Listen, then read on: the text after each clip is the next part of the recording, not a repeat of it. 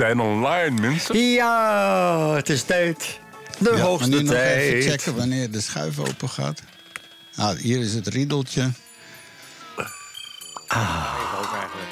Wordt steeds minder van belang. We zijn online. Laat het riedeltje uitrazen. Te laat. Nog even checken wanneer de schuif Ja, wij praten gewoon door. Hè. Waar hadden we het nou net Ja. over? Wat zei je nou net? Over valse euromunten. Ah ja, Valse euromunten, ja. Die zijn op de markt, eh, dat- zijn van die vlagen. Dat dat je, moet je echt goed in de gaten houden wat je terugkrijgt. Want ja, voor, voor je er een hebt, heb je een waardeloze... Wat is het? Wat hebben ze daar? eh, hoe heet die munteenheid ook alweer? Lira? Ja. Die, die, die, een stuk van een paar honderd lira. ja, dat waren Ja, vroeger miljoenen. Dan had je miljoenen nodig om een pakje sigaretten te kopen. Maar, Ja, die hyperinflatie. Ja. Ja, ja, ja. Maar de, nee, de Turkische lira die, eh, die duikt hier ook op. Maar er duiken ook Ja, al lang, hè? Het is al een paar jaar, dacht ik, dat dat bezig was. Ja, maar, oké. maar, je- maar trouwens, je spreekt hier tegen een, een, een cashloze. Ik, ik ben helemaal cashloos. Ik betaal gsm. Maar dat, dat is al heel lang. En steeds ben je al cashloos, hè? Ja, daarom doen we deze podcast ook helemaal zonder enig financiële bijbedoeling. Weet ik het allemaal. Oké. Nee, maar ik ben, eh, maak het voor mij maar zo elektronisch mogelijk en zo. En al die bedelaars, ik kan zo mijn schouders ophalen. Ja, ik kan je niet helpen. Hè. Maar dat is Ja, anders in, in- in, in Zweden. Ik was in, of in Noorwegen. Ik was in Oslo, misschien verteld. En daar heb je zo de hoofdwinkelstraat van eh, Oslo. Echt zo'n winkelpromenade, helemaal autovrij. En dan onder de 20 meter is er zo'n vierkant van anderhalf bij anderhalf. Wit eh, vierkant op de grond. En daar zit een dakloze in. En daar stond een keurig dingetje met een, eh, een QR-code. je komt meteen dit. En dan dus ja, 25 ja. meter verderop weer één. En dan verderop weer één. En allemaal keurig Ja, ik wou, ik wou het net zeggen. Is het van, wat ga je doen als zo'n dakleuze ineens zo'n betaalterminal boven haalt? Dan zegt dat, oh, geen probleem. hoor. Nou ja, maar dat, dat is ga je net... dan wel geven? Nou ja, ik, ik, ik weet het niet. Dan, eh, ja, misschien verandert dat alles. Want dan wordt het minder moeilijk voor ze, minder makkelijk voor ze om meteen eh, naar de alle, allerlei dingen ermee te doen. Weet ik veel. Maar ik vond dat Nou ja, wel mooi georganiseerd. Misschien iets te mooi georganiseerd voor ons. Maar Ja, het lijkt mij persoonlijk dat ja, je, het digitale be- betalingsverkeer is ook op de markt bij mij doorgedrongen. Je kan overal draadloos afrekenen. Maar dat heeft ook tot gevolg dat wij ook inmiddels draadloze zakkenrollers hebben. Die tegen je aan gaan Ja. staan en vloep, het geld is weg. ja, dus ja. dat is wel een bescherming ontwikkeling. daarvoor. Ik heb een bescherming daarvoor. Dat dat Een lode onderbroek. ja, jouw uiterlijk. oh, Ja, sorry. ook al. Nee, maar dat is, zouden we eh, niet meer doen. zo- We zouden het positief houden. Dat is zo waar dat je twintig kaarten kan insteken. En, en dat houdt alle, alle straling tegen. Dus Oh je ja, een kooi van. Faraday. Ja. Ja. Ja, Zoiets kan. ongeveer, ja. Ja. Maar wat dacht je als we nu eens beginnen met de praattafel gewoon? Ja, dat vind ik Oh, een- eh, oh, ja, het, oh ja, dat hebben we ook nog hè, vind vandaag. ik een Ja, fantastisch idee. laten we dat Ja, maar doen. Hè? En eh, maar, eh, wacht even hoor. Ik druk op start en vervolgens. Knop. Ja, de ah, knop nee, wacht even. Oh, oh, oh. Ja, ja, Oh ja, nou weet je wat, zullen wij dan eerst maar gewoon koffie gaan halen? Hoofdknop Ja, open. even naar de wc gaan. Huh? Lieve mensen, welkom centralisten, alle streamers, trolls in de chatroom en onze podcastfans. Het is 12 december, 12, 12, 23 vandaag en dit is de 159ste. Radio Centraal presenteert de praattafel. Uw afspraak voor een goed gesprek. Het is van Mario en uw favoriete Chris. Zeker weten. Namens mij wederom een regenachtige grijze dag. Het blijft maar hetzelfde. Maar wij brengen dan twee uur lang een beetje warmte door een goed gesprek. Tenminste, dat pretenderen, dat hopen we, dat pogen wij. Althans, daar gaan we voor. Maar uur al lang- een poging ondernemen, is het van? Eh, Je- weet, ik, ik dompel mij onder in poëzie tegenwoordig. En ik heb zo echt een, een juweeltje van een heel klein gedichtje. Van een zekere Joke de Leeuw. En dat noemt Lijmen. Oké, wacht En, en dat brengt het, het zonnetje in huis. Ja, oké. Nou, laat horen. Ik had drie beestjes. Drie beestjes van steen. Een vogeltje, een veulentje, een varkentje. Ze zijn gevallen. Ze braken stuk. Ik heb ze gelijmd. Het is bijna gelukt. Ik heb drie beestjes. Drie beestjes van steen. Een volentje, een veukentje en een varreltje. Ja. Ja, dat is een leuk gedichtje voor, om te beginnen, absoluut. Ja. Ja, dat, eh, Ding reageert vandaag een beetje traag weer. Hè? Ja. Ander, ander Ja, je- ja, ik niet hoor. Nou, het is de apparatuur. Het is nee, je moet, het is niet dat je aan je vinger geopereerd moet worden of zo. Nee, het is een bug. Het is een bug. Lieve mensen, de chatroom. ah, ik moet nog even doorgeven. Nou, dus namens mij is het van eh, onderbroken eh, nog maar een poging. Eh, welkom aan deze praattafel. En eh, wat mij Oké. betreft gaan we er een feestje van maken. En dat, eh, ik zit hier natuurlijk in Rotterdam, zoals van ouds. En inderdaad, we gaan er een leuke... ke- Ja, het is somber weer. Echt vrolijk word ik er niet van. Maar ik hoop inderdaad dat deze podcast mij een beetje vrolijker gaat maken. Ah, is het aan ons, eh, Mario, om ja, jou vrolijk jou. te ja. maken? Ja. Eh, ik heb net een gedichtje gelezen dat kei leuk Nou, dat was. is zeker. Mhm. Dus, dus je, hoeveel procent ben je al gestegen in je vrolijkheid momenteel? Eh 3 procent. Nou, dat is niet veel. Ik ga Nee, mijn nee. best doen. Ik ga Ja. echt mijn best doen. En, en uiteraard ook voor de luisteraars die nu allemaal aan het luisteren zijn. Welkom, welkom, welkom. Zeker weten, lieve mensen. Eh, de chatroom is open. Je kan aanschuiven en dat doe je door te surfen naar praattafel.be en klik op de rode knop. Dat kan op mobiel, dat kan op eh, G- nou, gsm en mobiel. Allebei hetzelfde. Op tablet, computer. Ik zou zeggen, schuif aan, want buiten is er toch niks te beleven. En dan kan je meepraten, meekeuvelen enzovoort. En eh, wij houden dat zeker goed in de gaten en we waarderen dat enorm. En dan hebben we een aantal onderwerpen. Maar eh, vooralsnog is het een eh, dag vandaag. Want het is vandaag een- de twaalfde van de twaalfde. En eh, er is nog wel één heel grappig dingetje met data voor numerologen. Voor mensen die dan op een speciale dag willen trouwen of, of iets willen doen op een speciale datum. Een van de laatste kansen in heel wat jaren gaat zijn de 31ste december. Want als je dat op zijn Amerikaans eh, doet, dus December 31st, 23, dan krijg je 1, 2, 3, 1, 2, 3. Hey. Poeh, doe maar. Ja, dus voor de, de cijfergekken is dat een uitgelezen kans om eh, iets te vereeuwigen. Ja, want wij hebben nu een aantal jaren gehad vanwege zo 2010 en alles, dat er heel wat van die, eh, hoe noem je dat, van die datums waren, van zoals 2020 op 2020 eh enzovoort. Ja, ja. Eh, is verder heel onbelangrijk, maar eh, leuk voor mensen die willen trouwen of een feestje geven of een, eh, iets doen. Hè? Nou ja, oké. Nou ja, Ik van die maar. mensen. Als je jarig bent in een schrikkeljaar. En, eh, of weet je, nee, de, de, wat is het? de 28 februari of zo? Want de 29. eens- dus Ja. 29 februari. Nou ja, dat is dan voor, voor mensen die eh, daarin geïnteresseerd zijn. Eh, ja, als je daar, dan dan kan je zeggen: ik ben 40 of ik ben 30. Terwijl je eigenlijk veel ouder bent. Ja, precies. Maar eigenlijk, als, als, er is een truc met dat schrikkeljaar. Hè. Je, als je iets, bijvoorbeeld, je, je krijgt een maand gratis abonnement of, of, of een jaar gratis abonnement, dan, dan moet je beginnen op de 29 februari. Dan, dan blijft dat vier jaar lopen. Hey, welkom. Aan, aan Koep is aangeschoven aan de praattafel chatroom, lieve mensen. Op een, Oké, een, boeiend nou, gesprek. welkom. Nou ja, zeker weten. Zo dijt het, eh, de olievlek van ons gesprek zich uit, lieve.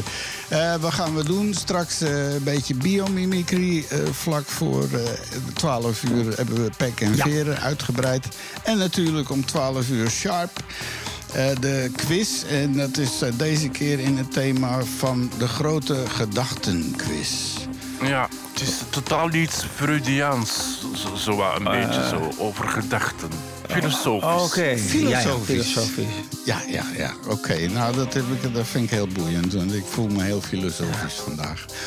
En, en daarna hebben we, na, na, na de pek en veren en de quiz, eh, krijgen we natuurlijk ons blokje Kosmos, eh, waarmee we ons om de aarde slingeren. En dan meteen weer terug naar beneden in gedicht erbij met een eh, gedicht dat heet Gedachten. Gedichten over gedachten. Gedachten.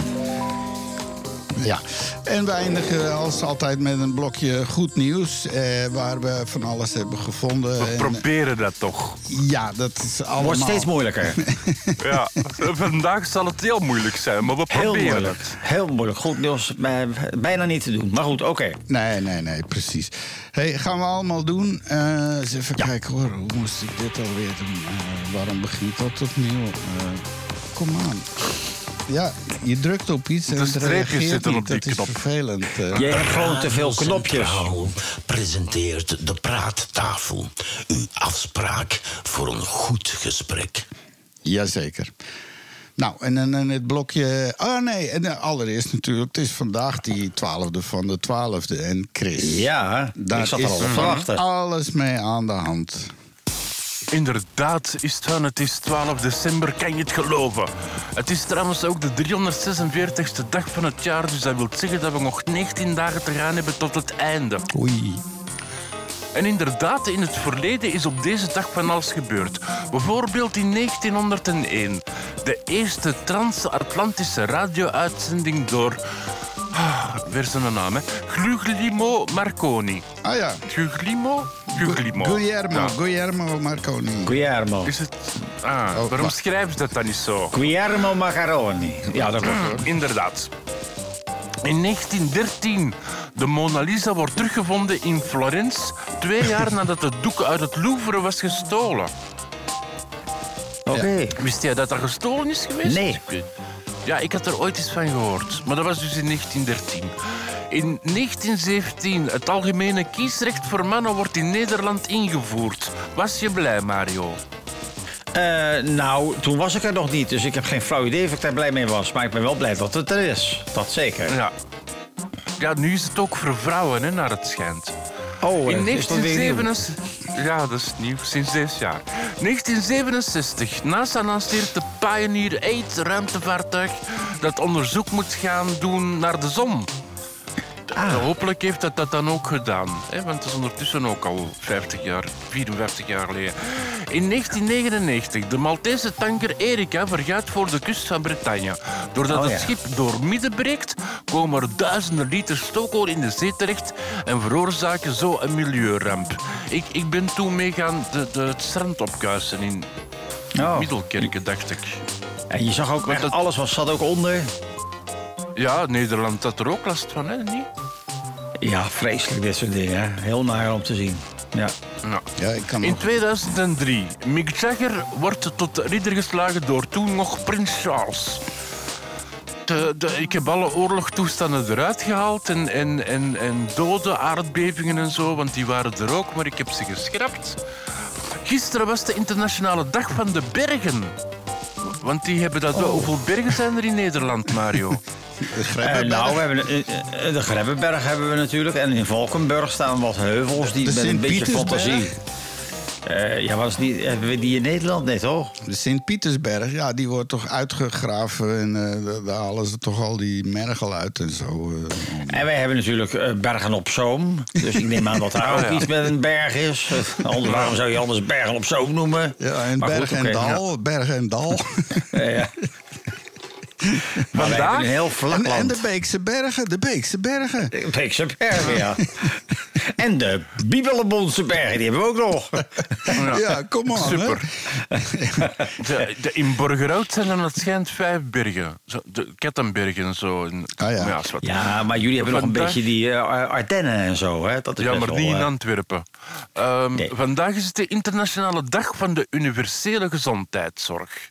Oké. Is ook belangrijk. Het is ook Gingerbread House Day. Dus het, eh, je moet je gingerbread house hè, voor de kerstboom eh, maken. Een peperkoekhuisje. Het is de internationale korendag. Dus voor de, de, de zangkoren. Oh, En zangkoren. het is het festival van onnoembare gedachten. Heb jij onnoembare gedachten, Mario? Regelmatig. Alleen ik kan er niks mee, want ik kan het gewoon niet benoemen. Maar ik heb ze wel. Dat wel, maar vandaag, eh, ehm, het festival van onnoembare gedachten wordt elk jaar op 12 december gevierd. In tegenstelling tot wat denkt, is het niet ongebruikelijk om gedachten te hebben die als onbespreekbaar of te smerig worden beschouwd om te delen. Mensen hadden een levende fantasie en zo nu en dan hebben we de neiging om gedachten te hebben die misschien een beetje te riskant zijn, vooral tegenwoordig, eh, om met vrienden en familie te bespreken. Maar Nou, dat onthoud dat je wel. niet alleen bent. Maar onthoud dat je niet alleen bent, dat er, iets, dat er niets mis met je is eh, wat je zou denken. Zolang je voorzichtig bent voordat je je gedachten uitdraagt, is het onwaarschijnlijk dat er een paar onnoembare gedachten je schade, schade zouden kunnen betrokken. Maar dus vandaag is het dus de dag van de onnoembare gedachten. En dan Nou, eh, heb hebt, jij. eh, Nou, Ja. ik, ik kan me uit mijn jeugd herinneren. Ik was fan van Frank Zappa. En van hem is de beroemde quote... A dirty mind is a joy forever. Ja, Dus een beetje, dat is ook een, eigenlijk in die richting zou je kunnen die heeft trouwens heel veel van die quotes. Die was extreem geniaal, die man. Ja, geweldige muziek. Ja, geweldige muziek, ja, ook. Ja. Ja, en dan de fantastische overgang van Zappa naar donderdag, want dan is de internationale dag van de aap en de dag van de vrachtwagenchauffeur. Leuk bruggetje. zeggen met een aap. Ja. Hè? Ik heb een vrouw. Voilà, dat was het. Met een eh, aap. ja, met een aap. Hè. Dat- Dus dat was het eh, voor eh, 12 december, mensen. Nou ja, dat is aardig wat toch? Iedere keer weet je ons toch wel te verrassen met al die details. Leuk. Oké, oké. U luistert naar Radio Centraal op FM 106.7, DAB+, en livestream. Zeker, lieve mensen, welkom aan de livestream. Ik zal trouwens eens nog eens kijken van hoe, hoe, eh, hoe, hoe we eruit komen met, eh, met eh, Centraal. Ah, kijk, Ik zit op 26, 26, 35.000. 26 luisteraars op de stream. Kijken Ah. we of dat we dat omhoog kunnen krijgen. Oh Dat is de stream, Sea Dance, yes. dit is een heel andere, joh. Oh, oh wacht even, dan moet ik het zo doen. Eh. Moeten we wachten tot jij het gevonden hebt? eh? Ja, zeker wel. Oh nee, dat moeten we zeker niet doen. Oké, goed. eh, iets anders. Eh, even kijken hoor. Eh. Eh, volgende week zei Mario eh, dat we kunnen genieten van honderden vallende sterren. Maar er moeten er wel geen wolken en regen en Nou, dat zei ik zijn. niet hoor. Ik dacht dat Chris dat zei. Inderdaad, dat Ah. heb ik gezegd. Oké. Ja. Ja. Maar het was zo'n fantastisch nieuws dat hem dacht dat het van Mario kwam. Nou ja, het, het, dit komt ieder om de zoveel tijd eh, weer terug. Hè? Dat, zo werkt dat met die, eh, met die meteoren en dergelijke. Het, het vuurwerk aan de hemel, dat is altijd wel leuk om zo'n meteorenzwerm eh, te zien. We moeten wel geluk hebben, want het is bewolkt. En, eh, de, de- dus dus we, we zullen er niet al te veel van kunnen zien, helaas. Maar goed, Nee. altijd leuk. Ja. Ja, er er komt trouwens in Antwerpen eh, een, een eh, eh, sterrenkijk-dingen open dat al 50 jaar gesloten was en al 100 jaar bestaat. En dat gaat nu terug open gaan. Dus dat Antwerpen sterrenwacht? heeft er, ja, die hebben er geld in gestoken. En dat zou een van de weken terug open gaan, het schijnt. Nou ja, het is goed om het publiek daar een beetje bij te betrekken. Ik ben ook wel fan van inderdaad die open dagen. Dat als jongetje vind je dat prachtig om eh, door een echte telescoop naar de maan te kunnen kijken, bijvoorbeeld. Dat zijn toch wel bijna religieuze ervaringen, zou ik zo zeggen. Ja, Ja, en, jij bent niet religieus, dus dat is dan dubbel Nee. op. ja daarom. Ik ben, ik, ben, nee, ik ben ook totaal niet religieus. Ik ben zelf een, eh, een vroom atheïst. Maar, in- maar zo'n maan in het groot is geweldig. Ik, ik, eh, toen in New York eh, gingen we s'avonds wel eens zo wandelen. En dan stond er op een straat toe. Je hebt daar zo die straatmuzikanten. En dan, eh, de- de- maar de zwaar uitgeruste. Die hebben dan een heel keyboard en een mini-PA'tje. En dan tien meter verderop ja, zo'n ja. klein Honda-generatortje. Met de stroom te maken. Maar er stond ook een gast met een knots van een telescoop gewoon. En voor 2 dollars kon je dan eh, Saturnus zien met de ringen enzovoort. Die stond Ja, gewoon geweldig, wel. Straat. En eh, ja, dat Ja. heb ik gedaan. En dan inderdaad, dan zie je zo heel bibberend... zie je echt zo die ringen en je ziet een paar van die Ja. maantjes. En dan denk je van, fuck, het is echt. Ja, geweldig. Ja. Ja, het is jammer dat dat in, in, hier niet te doen is in, in de Randstad. En ik denk, neem aan bij jullie ook niet. Je moet echt gewoon eh, in, in ergens anders wonen, wil je daarvan kunnen genieten. Maar zou ik ergens anders wonen met een, met een, met een open sky, dan had ik zeker een telescoop gehad. Want jullie zijn Ja. ooit nog eens eh, naar, de, naar die zonsverduistering. Dat was toen Ja. in Zuid-België of zo. Weet je dat nog? Ja, dat, nou net over de grens bij Frankrijk was dat volgens mij. Dus het pokken en het gereden. En het was inderdaad een totale zonsverduistering. Maar het was wel bewolkt, dus ik heb het maar even gezien. Maar wat mij het nog meest is bijgebleven... is dat je vlak voordat het gebeurt... want je ziet inderdaad al zeg maar... eh, die, die, die, eh, de, maan, de zon zie je steeds, eh, steeds meer afgedekt worden... Eh, en dan wordt het ook stil, want we stonden op een heuvelrug. En ja, al het geluid stopt uit de natuur. Het, het wordt echt stil. En dan zie je, dat vond ik het meest indrukwekkende... in de verte, omdat we dus op een soort heuvel stonden... zie je dan in de verte de nacht komen aanstormen. Begrijp je wat ik bedoel? ja. dat is heel bizar. Ja, ja. Alleen het was Ik ook ben wat. ooit eens was- op vakantie geweest in de Ardèche. Dat is de, de ja. bergen van Frankrijk tegen de Spaanse grens. En, en als je dan s'nachts in het gras ligt, dan schrik je eigenlijk hoeveel sterren dat je kan zien. Ja, Ja, ja, ja. ja. ja Hier in. Antwerpen geen enkel, want we hebben de haven, die, die vakken, hè, die, die vuur eh, eh, en, en het licht, eh, de straatverlichting. Dus je kan niks zien in Antwerpen sowieso. Nee. Maar als je daar ligt in zo'n berg, dan is het, god, is ja. Een wereld die open gaat. Ik heb een. Nou, dat eh, kan ik me ook van, ik kan me ook wel van vakantie herinneren, inderdaad. Dat je in een land bent met een, met een open hemel. En dat je inderdaad, dat vond ik ook zo indrukwekkend, dat je dus inderdaad dan ook echt de melkweg ziet. Dus dat het echt een baan is. Geweldig om te zien. ja, ja. Dan slaat de fantasie op hol. Ja, ik heb één eh eclipse gezien, dat was in San Diego. En eh, dat begon zo, ik denk een half uur voor de sunset eigenlijk. Dus, eh, we- we- Ja. En dat was er zo een waarbij de maan iets verder weg staat... zodat je nog zo'n ring van de zon ziet. Oh ja. Ja. Ja, dat was ook wel heel. eh, dus er kwam nog wel licht. Dat was een, eh, en dan in, op het laatst zakte die zo in de wolken weg onder zee. Maar was zeer Ja. indrukwekkend. Ik heb geen enkele foto, niks. Misschien dat eh, mijn ex van toen er nog foto's van heeft. Maar ja, dat zijn eh, cosmic events. Maar, maar die Geminide, dat komt eigenlijk doordat we met de aarde door de staart van een. eh, hier is ooit Komeet. dan een grote komeet gepasseerd. En, en daar blijft gewoon stof achter, zeg maar, uitlaatgassen. Ja, En, eh, en dat ja rommel. Kometen zijn al per definitie rommel. Ja. Ja. Ja. ijs en gruis. Ja. Zeg, is, van, is er ook een, een wereldrecord dat we moeten raden vandaag? Nee, nee, nee. Ik heb helaas geen tijd gehad. En eh, ook, eh, het wordt steeds moeilijker. Er zijn heel veel records, maar die, die, die geen geluid produceren en zo. Eh, Ik bedoel, mensen record, die dat, zich... dat is juist echt een uitdaging. records zonder geluid. Ja, iemand die zo push-ups doet of zo, weet je wel. En, maar, maar het wordt lastig. Maar wie weet eh, vinden we wel een ander spelletje of eh, volgende week meer. Maar deze week dus geen eh, record of zo. Maar ja, nu overal hoor je links en rechts al die eindejaarsverslagen enzovoort. En dan is het ook van... eh, eh, de meest gestelde vragen op eh, Google. Oh ja. En dan kwam ik een artikeltje tegen in de Telegraaf, eh de aloude Telegraaf in Nederland. Eh, dit zijn de meest gestelde seksvragen op Google Oh ja. in 2023. Ja. En eh, dus ja, eh, één, eh, hoe laat je een dame eh, klaarkomen? Oké. Ik ga niet in op de, de antwoorden daarop en zo. En eh, twee was... eh, Oh, wat jammer. is de G...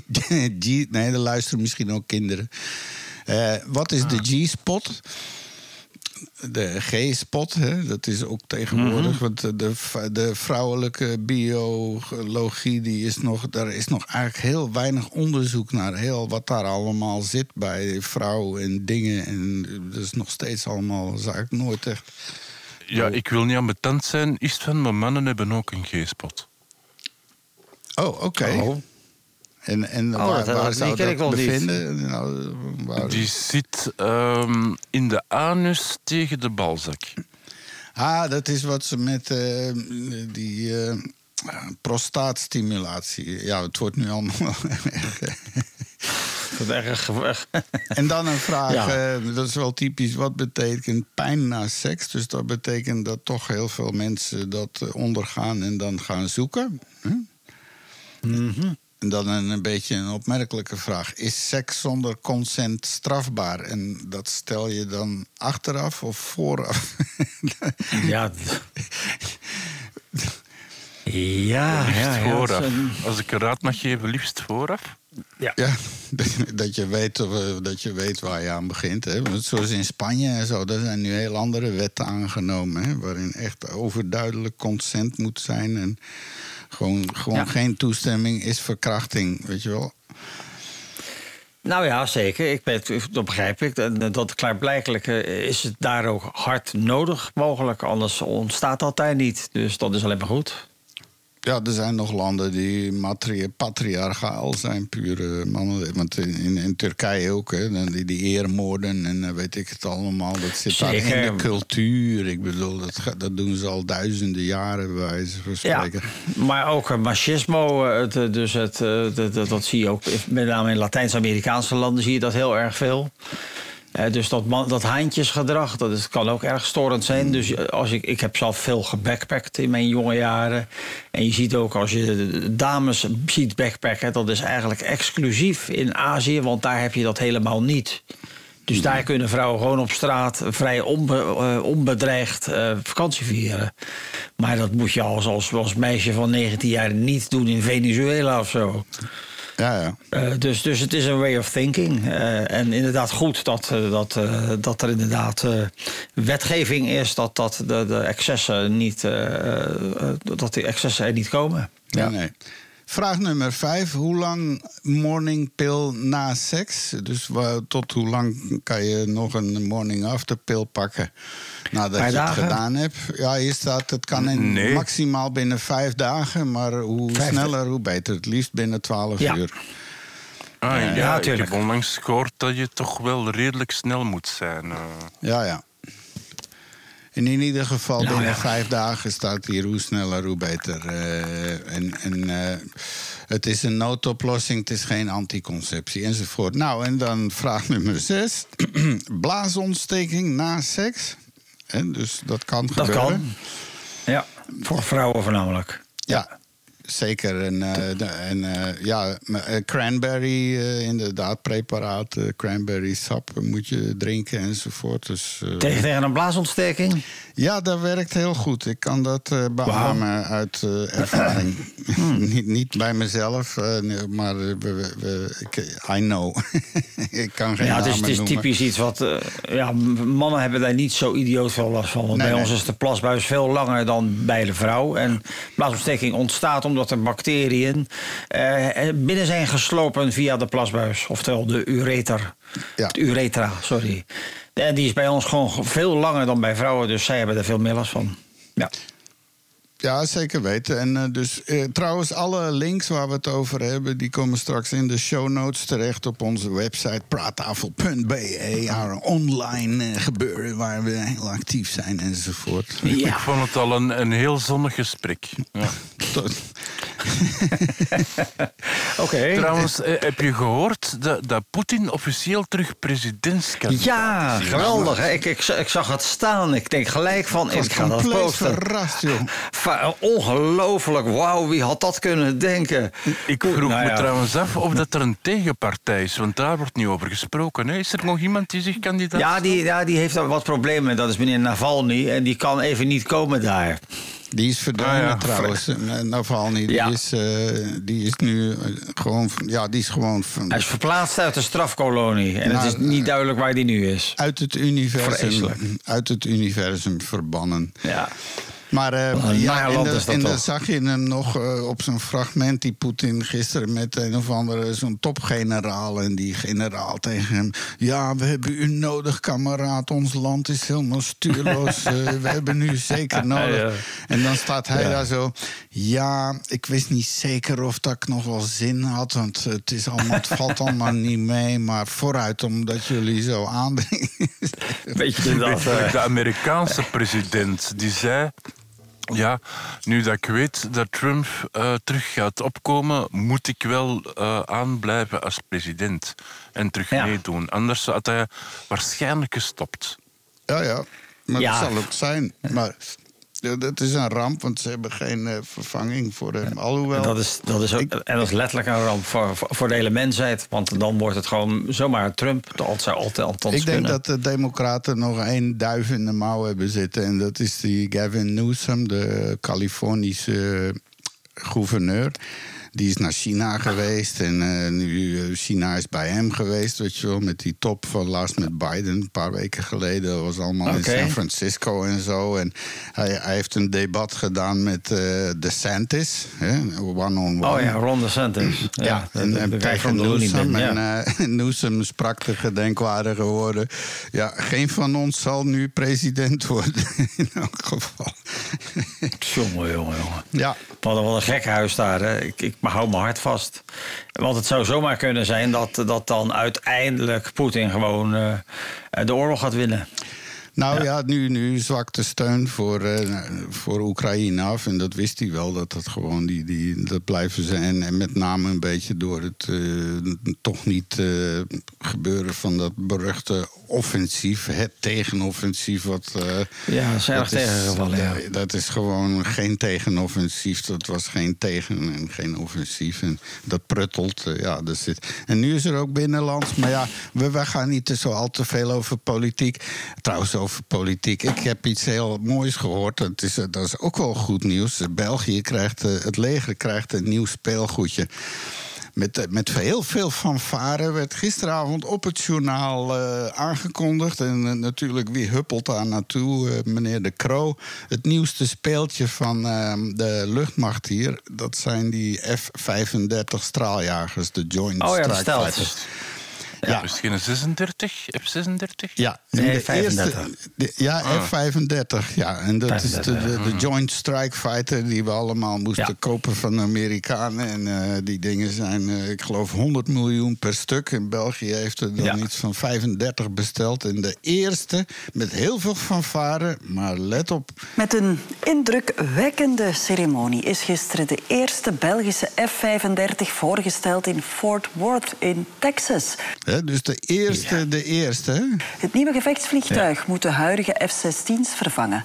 Ons land heeft 34 toestellen aangekocht en dat voor een bedrag van bijna 4 miljard euro. Wauw. Ook premier De Croo en de top van Defensie waren aanwezig bij de presentatie door producent Lockheed Martin. Met een spectaculaire klank- en lichtshow verschijnt de eerste Belgische F-35 De aan het de publiek. eerste, hè? Dus de eerste. moment is about Ja, op Ja. twee jaar tijd, hè? Want ze hebben hem twee jaar geleden besteld. Ja, is te laat. Ja, ze moeten gebouwd worden natuurlijk. Ze ja. kunnen er maar iets van voor- 160 per jaar maken daar van die dingen. Maar goed, maar wacht even. Het wordt... Ja, en, en, en het is ook zo dat als dan er zijn er tien geleverd, maar je ziet er maar één, want het is stealth, hè? Dus met een geweldig verhaal.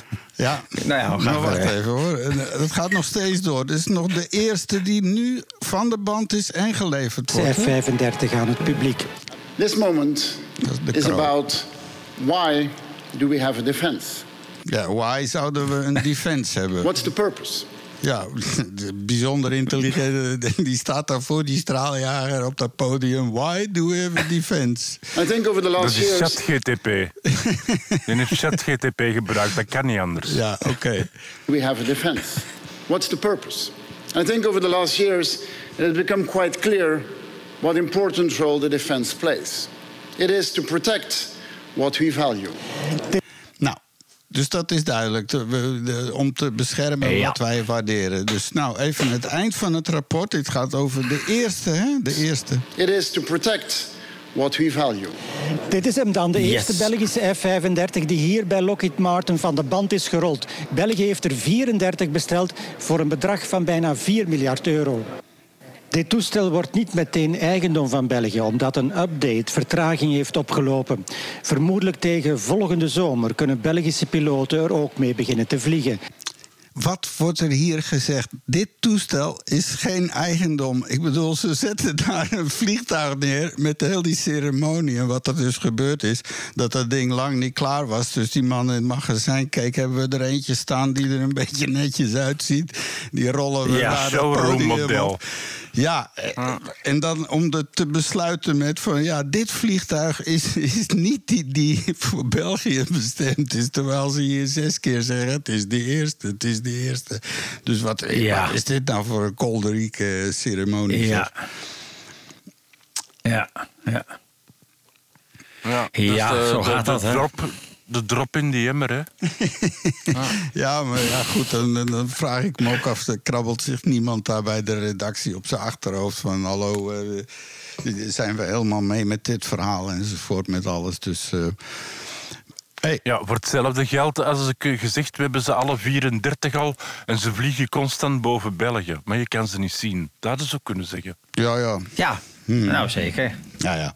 Maar goed, eh, pff, het, het is goede business voor die Amerikanen. Want ze, ze krijgen ze niet aangesleept. Ze hebben er al bijna duizend gebouwd. Dus eh, dat is daar iedere vrijdagavond met de hele afdeling naar de bowling en, eh, en pizza voor iedereen.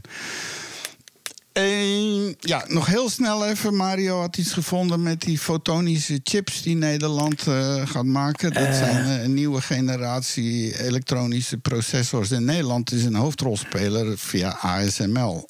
want die Ja. maken de machines die de chips maken. Dus zonder ASML maakt Ja. niemand chips. nergens. Nou, nou, sterker nog, het is, het is heel eenvoudig. Eh, ook ASML is er, is er nog niet mee bezig. Wij hebben in Nederland hebben we een investeringsfonds van een paar honderd, mil, eh, 100 miljoen euro. Eh, en dan wordt er wordt ingezet dan op, op, op zeg maar projecten die wat zouden kunnen betekenen voor de Nederlandse economie. En men heeft nu honderden miljoenen apart gezet voor de ontwikkeling van de fotonische chip. Dus gewone chips die werken, dat weten misschien wel ASML bouwt van die chipbakmachines. En wat je dan ziet, dat, dat, dat is een elektrisch procedé. Tenminste, dat werkt dan met UV, UV, UVC-apparaten. Waardoor er dus eh, elektronen op piepkleine baantjes in de orde van een paar nanometer gewoon eh, eh, kunnen reizen. Dus puur nog via Ja. koper, ouderwets. Alleen, Nou ja, via, via silicium eigenlijk. Ja. Ja. Maar wat je ziet, eh, maar dit is dus een totaal nieuwe insteek. Dus dan maken ze dus chips waarbij het dus niet elektronen van A naar B gaan, maar fotonen. Eh, dus, eh, en dus lichtdeeltjes. En mm, ik begrijp nog niet goed wat daar de netto winst van is. Maar de belofte is wel dat dit veel minder energie kost. En eh, dat het veel sneller kan dan dat het er nu al gaat. Dus het is dus iets wat, wat Nederland graag eh, wil gaan ontwikkelen. En ook in eigen beheer wil houden. Want, zo, eh, zo, want er is veel bij Philips ontwikkeld. Maar veel is naar het buitenland verhuisd. En zijn er dus landen die dus eh, nu de hoofdrolspeler zijn eh, op een bepaald vakgebied. Terwijl Nederland dat had kunnen zijn, omdat het daar is ontwikkeld. Ja, dus nu, ja. eh, zeker gezien de nieuwe geopolitieke ontwikkelingen, heeft Nederland gezegd van nou, wij gaan hier grof op inzetten. En wij houden ook de kennis hier in Nederland en proberen op die manier gewoon een marktleider te worden. Ja, Ja, nou ja, ik vind het heel spannend. Ja, zeker. Want licht, eh, als je licht gebruikt voor communicatie, zoals in lasers en eh, tegenwoordig onderzeekabels en zo, dat is allemaal optisch, optisch, optisch. Ja, door één eh, kabeltje van een millimeter kan je een miljoen kanalen data tegelijk versturen, bij wijze van spreken. Dat is totaal anders dan met koper. Dus je kan bijna oneindig multiplexen. En eh, dat maakt natuurlijk de data-overdracht. In plaats van dat je een kopertje heen en een kopertje terug, kan je door de een en dezelfde. Dat is gewoon inderdaad een totaal andere fysica. Hè? Ja, ik weet niet precies hoe dat werkt op, op, op, inderdaad op chipniveau. Maar het is wel een heel, echt een grote belofte. En het is, het is ook best in het nieuws geweest. En eh, ja, ik vind het toch wel spannend inderdaad. Eh, dus eh, vol verwachting wachten we af. hart. En laten we ons... klopt mijn hart. Dat is, dat is net onlangs geweest. Ja, nee, en- en, inderdaad. dat zal nodig zijn, want ons marketingteam heeft voor vandaag de promo heeft die gezet. We voorspellen een uitzending die zo pittig is dat zelfs de radio ervan gaat sissen. Dus we moeten zorgen dat de radio's gaan sissen. Oké. Nou, bij Ja. deze dan, bij deze, bij deze. Kom aan. Eh, Je luistert gewoon niet. Biomimicry. Wat we kunnen leren van de natuur.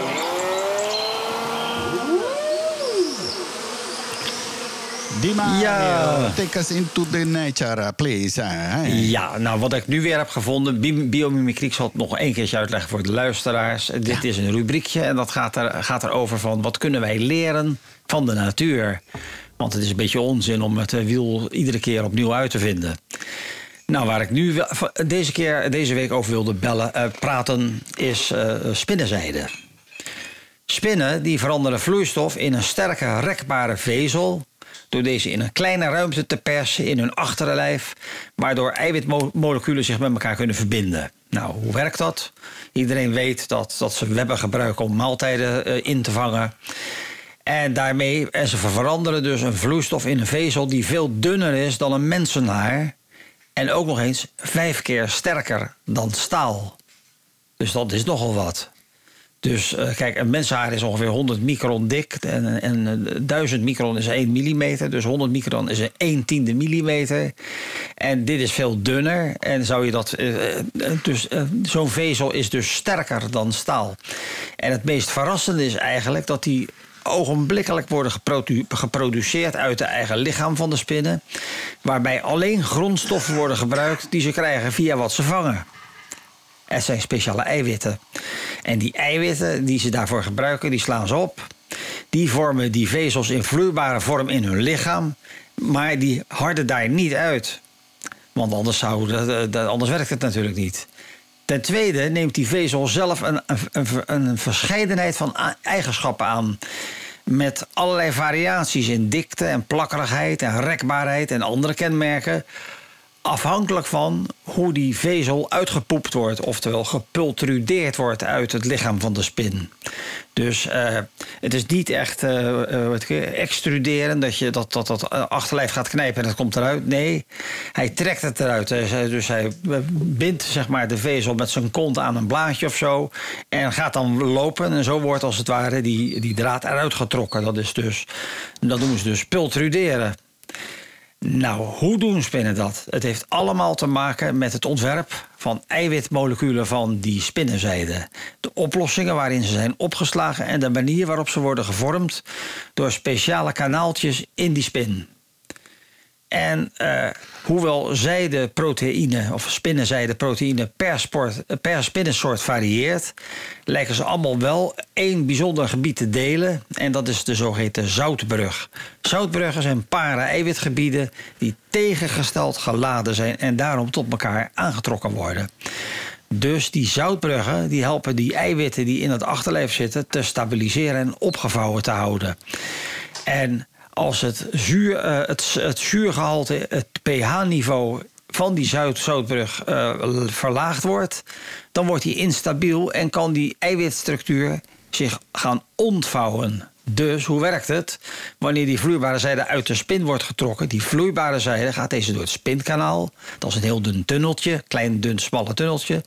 Die grote gevouwen eiwitten passen daar niet doorheen. Dus die moeten in dat lijf worden uitgevouwen. Dus terwijl het eiwit door dat kanaaltje beweegt, helpt een bepaald enzym. Dat is uh, koolzuuranhydrase, dat doet er verder niet toe. Maar dat specifieke enzym eh, creëert een pH-gradient, dus een zuurgraad, die langzaam wordt verlaagd van 8 naar ongeveer 5,7.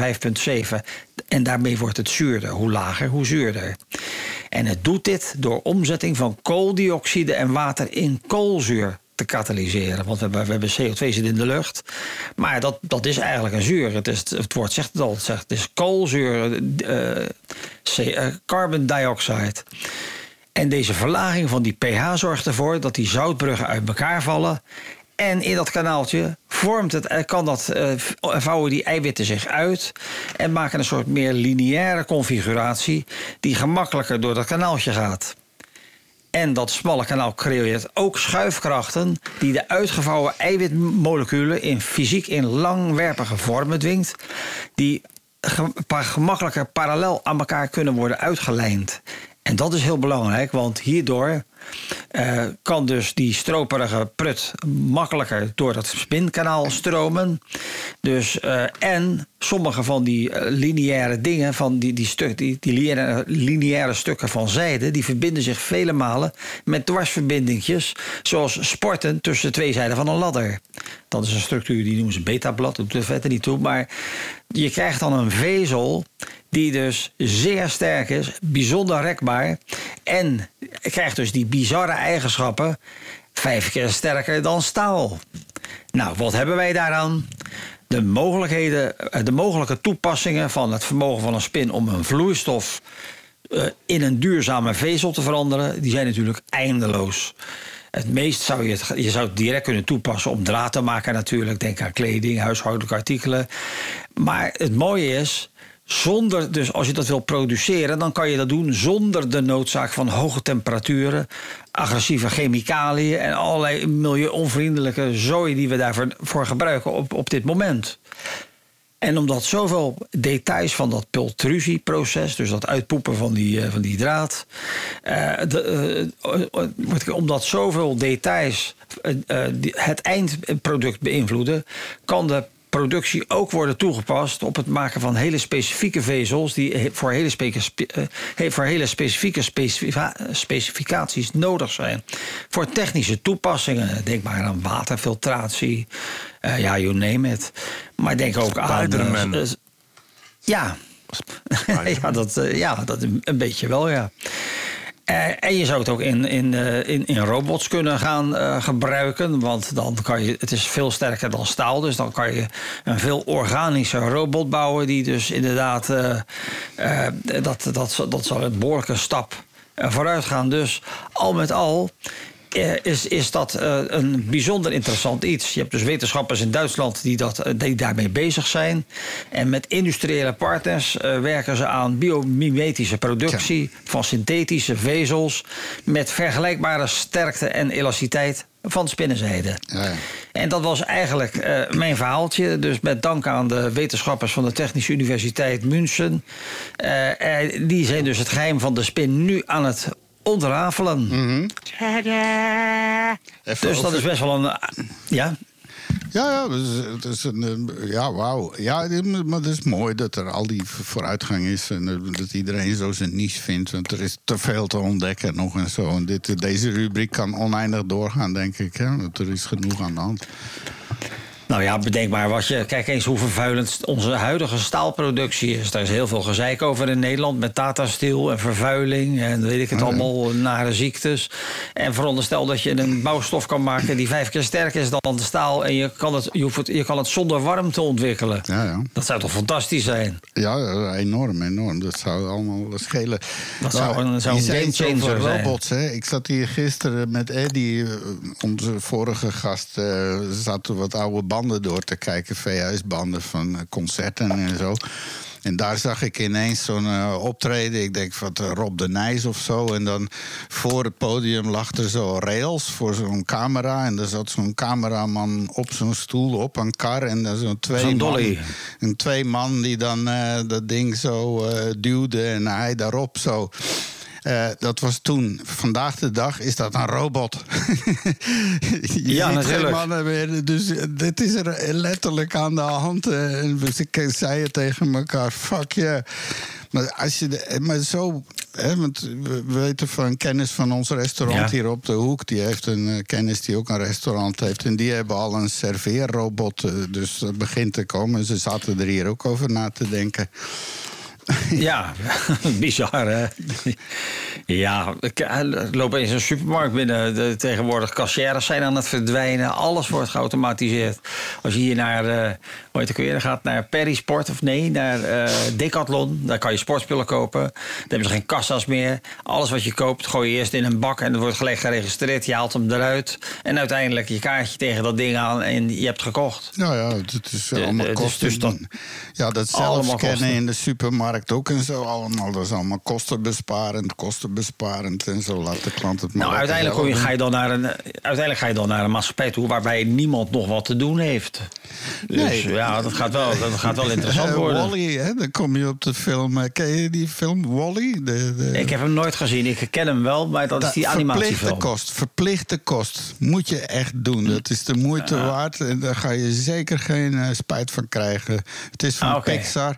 Het ziet er fantastisch uit, maar het verhaal is. eh, De, de story is echt wel eh, indrukwekkend hoor. Dat, ik, en ik zou dat Nou ja. iedereen eh, tegenwoordig, zijn kinderen ook. Dat is echt verplichte kost om te laten zien. zeker hoe de wereld er nu uitziet. Echt waar. Wally, Nou ja, ik, ik denk dat er inderdaad de bandjes gaan verdwijnen. Maar wat gaan we met al die mensen doen? Ja. Je ziet, Ja. het, je ziet het al in, in Azië. Als je naar, naar een derde wereldland gaat in Azië, dan zie je, dan heb je, je naar de supermarkt en er is er een mannetje die, die pakt je, die rekent voor je af. Er is een mannetje die doet het voor je in de zakken. Er is een mannetje die loopt mee naar je auto. En er is een mannetje die het van de auto, Nou ja. eh, van de car zeg maar in. En iedereen heeft daar een bandje. En dan ga je de parkeerplek af. Dan staat er een mannetje bij de uitgang van de parkeerplek. Ja. En die wijst waar je heen moet gaan. En zo heb je dus een economie van mensen die allemaal eigenlijk gewoon een flauwekulbaantje hebben. Ja, maar eh, het punt, dat was vroeger in Turkije ook, weet je wel. En, en, en, eh, maar, dat- maar dat is dan zo'n twee meer lage economie. Die mensen die krijgen een habbekrats en die doen het daar Ja. dan ook voor. Maar als je de- dat, hier gaat dat niet, want onze, die moeten een minimumloon hebben en een verzekering. En als Ja. je hier iemand aanneemt, kost je dat minimaal 4, 5 mil per maand en zo. Dus er is geen Ja. ruimte voor die onder... Dat proberen ze nu met zo'n flexi-jobs en dienstenchecks toch iets te creëren. Dat er aan de onderkant, maar het gaat gewoon. Een, een, Ja, maar je moet, eh, zeker, maar dat kan natuurlijk veranderen op het moment, laten we zeggen, niet, niet over vijf jaar, maar over, laten we zeggen, 50 jaar. Ja, de kans dat je dan nog, dan, dan, dan zal de wereld totaal anders zijn. Als die er überhaupt nog bestaat, want het zijn roerige tijden. Ja, maar dan, dan gaat dat natuurlijk veranderen, want dan is bijna alles met AI en noem het maar op geautomatiseerd. En mensen zullen een hele hoop. Mensen hebben al heel veel vrije tijd. Kijk eens naar tv. Als ik de tv aan ziet, eh, zet, dan, dan zie ik bij, bij een praatprogramma om de haverklap een vent op de achtergrond. Die, die, die, die, die staat te koken. Wa- waarom? Dat hadden we vroeger toch niet? Ja, dat is meer Iedereen is aan het koken. Eh, Hier, hier, hier. Ja, dat is gezellig toch? Dat is gezellig toch? Ja, maar dat geeft wel aan dat mensen daar tijd voor hebben. Want anders, eh, wie kijkt er naar een kookprogramma waarbij een vent tosti staat te bakken terwijl je zit te kijken naar een pro- praatprogramma? Nee, nee. Dus dat geeft een beetje aan dat iedereen hobbykok is. En de, de work, ko- kookworkshops, daar breek je je nek over. Alleen al in de Hoogstraat zitten er al drie bij mij. En daar zitten hele groepen, dus mensen. Ik, wat ik hiermee wil zeggen is dat we klaarblijkelijk heel veel vrije tijd over hebben. En dan krijg je dit soort dingen. Dus Ja, dat is Ja, wel maar een dat teken aan de wand. Is, is, is vooral begonnen eh, met de corona. Mensen zaten thuis, ze mochten niet op restaurant. Dus Ja. zijn ze zelf beginnen koken. En, en Ja, daar is oh het ja. eigenlijk eh, enorm in gegroeid. In, in dat iedereen wil koken. Maar en- we- en die, talkshows die Mario bedoelt, zoals bij Tineke en dat soort dingen. En daar staat altijd inderdaad iemand, dan eh, hebben ze een interviewtje. En dan is het, nou, we gaan even naar chef Karel. En ja, ik heb de patatjes gesneden en die gaan nu in de Ja, een olie. beetje dat. hè. ja, ja dat is echt typisch Nederlands. Ik, ik denk niet dat we dat Eh, hier in. België... En z- Zelfs bij de tiende. Je hebt, ik, ik hou van klassieke muziek. Je had zo'n programma, de tiende van Tijl. En dan zag je dus, in, dan heb je dus, dat gaat wat verder dan eh, die gangbare programma's. En tot bij verbijstering stond er ook ineens een vent te koken. Terwijl ze het over Vivaldi hadden of zo. Maar waar slaat dat op? Nou, waar slaat dat op? Weet je wat we daarmee gaan doen? Pek en veren. Pek en veren. Deze Ja, keer. intu- intussen is ik eh, hoopte Linda eigenlijk dat je Oh. ging zeggen... Ik, ik hoopte eigenlijk dat je ging zeggen, we gaan ook een kok aannemen. Hey, Maar- maar dat is weer aangeschoven aan de praattafel en die heeft wat te melden. Toen zij begonnen was met mijn camerajob in 98 en 89, zijn er een stelletje drie tot vijf mensen eh, bij, bij betrokken. En dat werd steeds minder. Op het einde was er de redactiemens en ik. En nu doen de redactieleden het zelf. Ja, dat is met nieuwsgaring ook. Hè. Vroeger ging een reporter, die had een producer bij, een cameraman, een geluidsman en dan hopelijk nog een assistent om te sleuren. Vandaag is de reporter, hier is een camera, daar zit een microfoon. En nou ga je Ja. de hort op. En eh, ik heb een, eh, een van mijn kennissen doet daar werk. En tegenwoordig hebben ze zo'n 4G-stick op hun camera. Dus terwijl ze filmen, wordt het al gedownload in de newsroom. Ja. Ja, je ziet wel eens zo'n man lopen inderdaad helemaal volgehangen met allerlei eh Ja. mounts. ik wil het niet en, eh, ambetant doen, maar ik heb dat tien jaar gedaan, hè, videoreporter. Nou ja, goed. Alleen. Dan weet je het, hoe, eh, het verschil hoe dat vroeger was en hoe dat nu is. Met studiocamera's, eh, ook geen cameramannen meer. Het zijn ook allemaal robots die ronddraaien op rails en zo. En, En alles is geminiaturiseerd. De Ja. camera's zijn steeds kleiner en steeds hogere kwaliteit. Dus die enorme dingen zijn ook niet meer nodig. nee. Dus ja. Hey, eh, de pek en veren, deel 3 voor Dubai. Sorry, eh, we, we hebben ze het al Ja. twee keer gehad. De eerste keer omdat ze in aanloop naar deze kop de deeltjes probeerden te maken met allerlei landen die hun gingen bezoeken en zo. Die kwamen daar van tevoren om dingen te regelen. En dan zeiden ze: Oh, je kan hier deeltjes maken. Dus dik olie en gas probeerden te verkopen.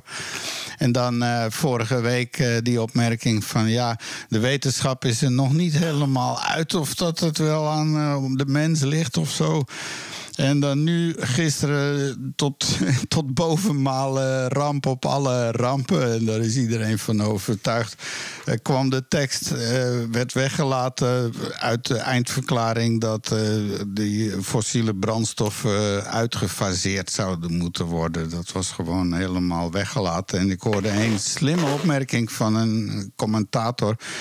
In de voorgaande kops was er altijd een soort vrij scherpe eindverklaring. En dan gingen ze daarop hakken en die werd dan afgezwakt, afgezwakt en zo om het toch door te krijgen. Hier is het andersom. Hier is een enorme slappe verklaring en nu proberen ze die op alle mogelijke manieren aan te scherpen. Dus ik zou zeggen, enorme pek en veren voor heel die organisatie. En walgelijk vind ik gewoon, walgelijk. Ja. Ja, ja dat, dat is eigenlijk, we we hadden het kunnen weten. Het is alsof de slager zijn eigen vlees aan het keuren is. In, in Dubai, en, eh, dit- als je daar, op een, daar ben je op een klimaatconferentie. En als je dan zeg maar een paar uurtjes vrij hebt- bent van, van al die lezingen en die symposia. dan kan je nog even gaan skiën ergens in de woestijn. In een overdekte skiparadijs. Ja. Dus dat, dat, dat zit daar niet tussen de oren, zal ik maar zeggen. En, en wij moeten een spaarlampje indraaien en de verwarming een paar graden lager zetten. Ja, zeker. Dus, dus, dus, dus dat is Intussen gewoon... is een, ook eh, eh, ja. Sil aangeschoven. Het wordt steeds gezelliger. En weet mensen, over vijf minuten begint de quiz van onze favoriete Chris. De grote gedachtenquiz. Dus eh, je kan live meedoen. Kom naar de praattafel.be. Druk op de rode knop chat en join the fun. Eh, Yes. dus, eh, nou ja, en dan eh, onze regering, dat is dus de werking van het parlement hier. De krantenkop Ja. was eh, 111.500 om een spreekgestoelte te renoveren. En 32.000 euro, en dat is alleen nog maar een aanbetaling voor een schilderij van een, van een Siegfried Brakke... die nu onder vuur ligt vanwege foute pensioenregelingen. Is gewoon een zeer onpopulaire man. Maar kennelijk iedere voorzitter van het parlement eh, wordt een schilderij voor gemaakt. Nou weet ik niet, Chris. Kijk, jij kan redelijk goed met die eh, open ground en die eh, imagery omgaan. En, en een kwast ook. Eh, zou jij een portret van die man tegen aanbetaling van zeg maar een, een, de helft? Voor, jij doet het toch voor 15.000 wel of zo, hè? Als aanbetaling. Nee, nee. Nee, als ik kunst maak, ben ik duur. ja, dus daarom noem het ook kunst, hè? Ja. Ik, ik zou dat kunnen, maar, maar je doet dat niet. Hè? Nee, nee. Jij zeker niet voor de staat, want die hebben grote, grote budgetten, hè, de staat. Maar, maar hoe, hoe wordt zo'n schilderij dan 100.000 euro of zo? Ik kan me dat niet voorstellen. Dat gewoon een, een simpel portret. En dat kan je tegenwoordig. eh, nou ja, goed. Eh, Vraag en aanbod. eh. nou ja, dus de laatste twee jaar is hun budget 26% gestegen. Dat is wel heel absurd veel. En, eh, dus, eh, en dan is bijvoorbeeld advocatenkosten zijn geëxplodeerd naar een half miljoen euro. En als je dan dat artikel ziet, dan natuurlijk, eh, wat, dat is hetzelfde in Nederland. Want wat ze dan zeggen, die regeringen, ze beloven, ja, we slanken af, we slanken af, minder overheid, minder ministers, hè, minder van u. Maar wat doen ze dan? Ze gaan allemaal consultancies aannemen voor een paar duizend euro per dag en zo. Allemaal van die, van die consultingbureaus. Eh, En ik denk dat dat in Nederland ook een behoorlijke plaag is. Ja, die managerslagen en consultants. En eh, dat is allemaal eh, doodhout, zou ik bijna zeggen. Dat heeft de boel nogal eh, doen verstoppen hier en daar. Ja, we laten een onderzoek naar dit doen, onderzoek naar dat doen en, enzovoort. Eh, Ja. oh, oh, oh. Ja, ja. Dus eh, Al die tussenlagen die zijn ingebouwd. Ik ben daar ook niet zo'n voorstander van, moet ik zeggen. ja, en het is tien keer zo duur. En gewoon iemand aannemen die weet wat hij doet.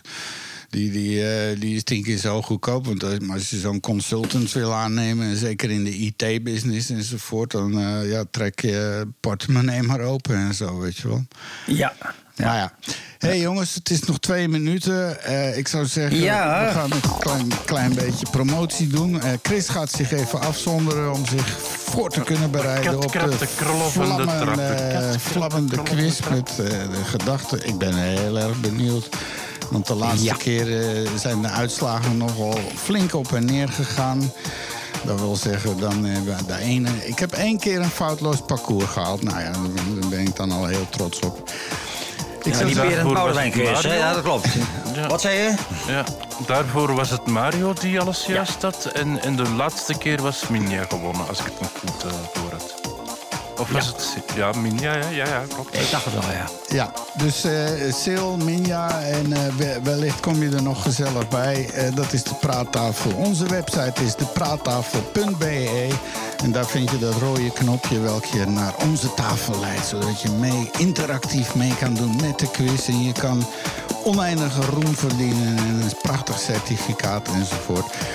Dus je vindt ons op die website. eh, dan kan je ook kijken op eh, Facebook. Daar houden we je op de hoogte van alles wat we doen. En eh, tenslotte op Instagram proberen we ook actief te zijn. Dat is niet echt goed. Misschien als er iemand eh, eh, vrijwillig wil zijn voor een social media manager. En dan eh, zijn we daar welkom op. Je kan ons dus terugluisteren op Spotify. Als je nu aan het luisteren bent op Spotify, je kan reageren op de uitzending. Dat vinden we hartstikke leuk. Er zijn wel zo van die vraagjes waar je kan doen. Geef ons sowieso vijf sterren. En laat het anderen weten. Want eh, meer luisteraars, meer luisteraars is meer fun. En meer inhoud is nog beter enzovoort. Meer gesprekken. Dan tot slot nog even Radio Centraal noemen. Waar we nu uitzenden op eh, FM 106.7 en op DAB+. Of op de livestream. Intussen zijn, we, zijn er nog meer mensen aangeschoven geloof ik. Even kijken hoor. Ah, we zitten aan 29. Kijk eens aan. Die kunnen ook allemaal meedoen in de chatroom. eh Dinghout. En Koep is ook weer terug. Dus, oh, kijk eens jongens, we gaan een hele volle quiz hebben. Ik hoop dat Chris er helemaal klaar voor is. Ik zou zeggen, we gaan het eh, maar aftrappen. Ik hoop dat ik het juiste knopje hier heb. Dat alles het in één keer goed doet. Dat zou ik nou zo graag willen. Hè? Goedemiddag, wakkere praattafel podcastluisteraars op Radio Centraal. En welkom op de quiz van onze favoriete quiz. En voor vandaag hebben we weer een dozijn kakelverse, boeiende vragen... waar we graag ook antwoorden op zouden willen krijgen. En als het even kan, de juiste antwoorden, nietwaar? En u kunt dus ook meespelen, beste luisteraar... en antwoorden via onze praattafelchat op praattafel.be... en op chat te drukken. Of je kan ook heel hard roepen, nietwaar? We zijn er dus klaar voor en ik heb er zelf ontzettend veel zin in. Laten we starten met de quiz van onze favoriete Chris. Nog even uitleggen Ja. hoe het werkt. We hebben een paar nieuwe luisteren. Doe jij dat of doe ik het? Ehm, ik wou eigenlijk zeggen, wij hopen allemaal dat jij voor de eerste keer op het juiste knopje drukt en dat alles goed gaat. Jammer genoeg is dat niet altijd zo. Nee. Ehm, ja, hoe zit de quiz in elkaar? Dus eh, het is eigenlijk heel simpel. Ik stel een vraag en het zijn meer keuzevragen. Dus je krijgt ook eh, eh, drie of vier antwoorden en één daarvan is juist. En dan hoor je een wachtmuziekje en na het wachtmuziekje mag je dus op enter duwen om, om je antwoord in, in de eh, chat eh, te gooien. Ja. Zo simpel is het eigenlijk. ja. Dus wacht tot, totdat het wekkertje afloopt hè, van, de, van Dat het wachtmuziekje. toch? Ja. Ja, het wekkertje. Ik zal het nog duidelijker. Er komt een wekker aan. Dat is een nauwkeurige montage die met psychologische ondersteuning is ontwikkeld en zo. en, eh, Dat dan wel. ja, Oké, nou, vooruit. En dan nu vraag 1. Ja, het is een gedachtetrivia, dus het gaat allemaal over denken en gedachten en gevoelens. En maar vraag 1 is, wat is de term voor herhaalde ongewenste gedachten die vaak als storend worden ervaren? Is dat A, dagdromen? Is dat B, hallucinaties? Is dat C, obsessies? Of zijn dat D, fantasieën? Dus wat is de term voor herhaalde ongewenste gedachten die vaak als storend worden ervaren? Is dat A. Dagdromen? B. Hallucinaties? C. Obsessies? Of zijn het D. Fantasieën? Hmm, dat, eh, het wachtmuziekje. is- Dus je typt het in en dan wacht je met op enter drukken tot... eh, ja, en dan komt hij, dan komt hij. Ja, het wekkertje is er bijna.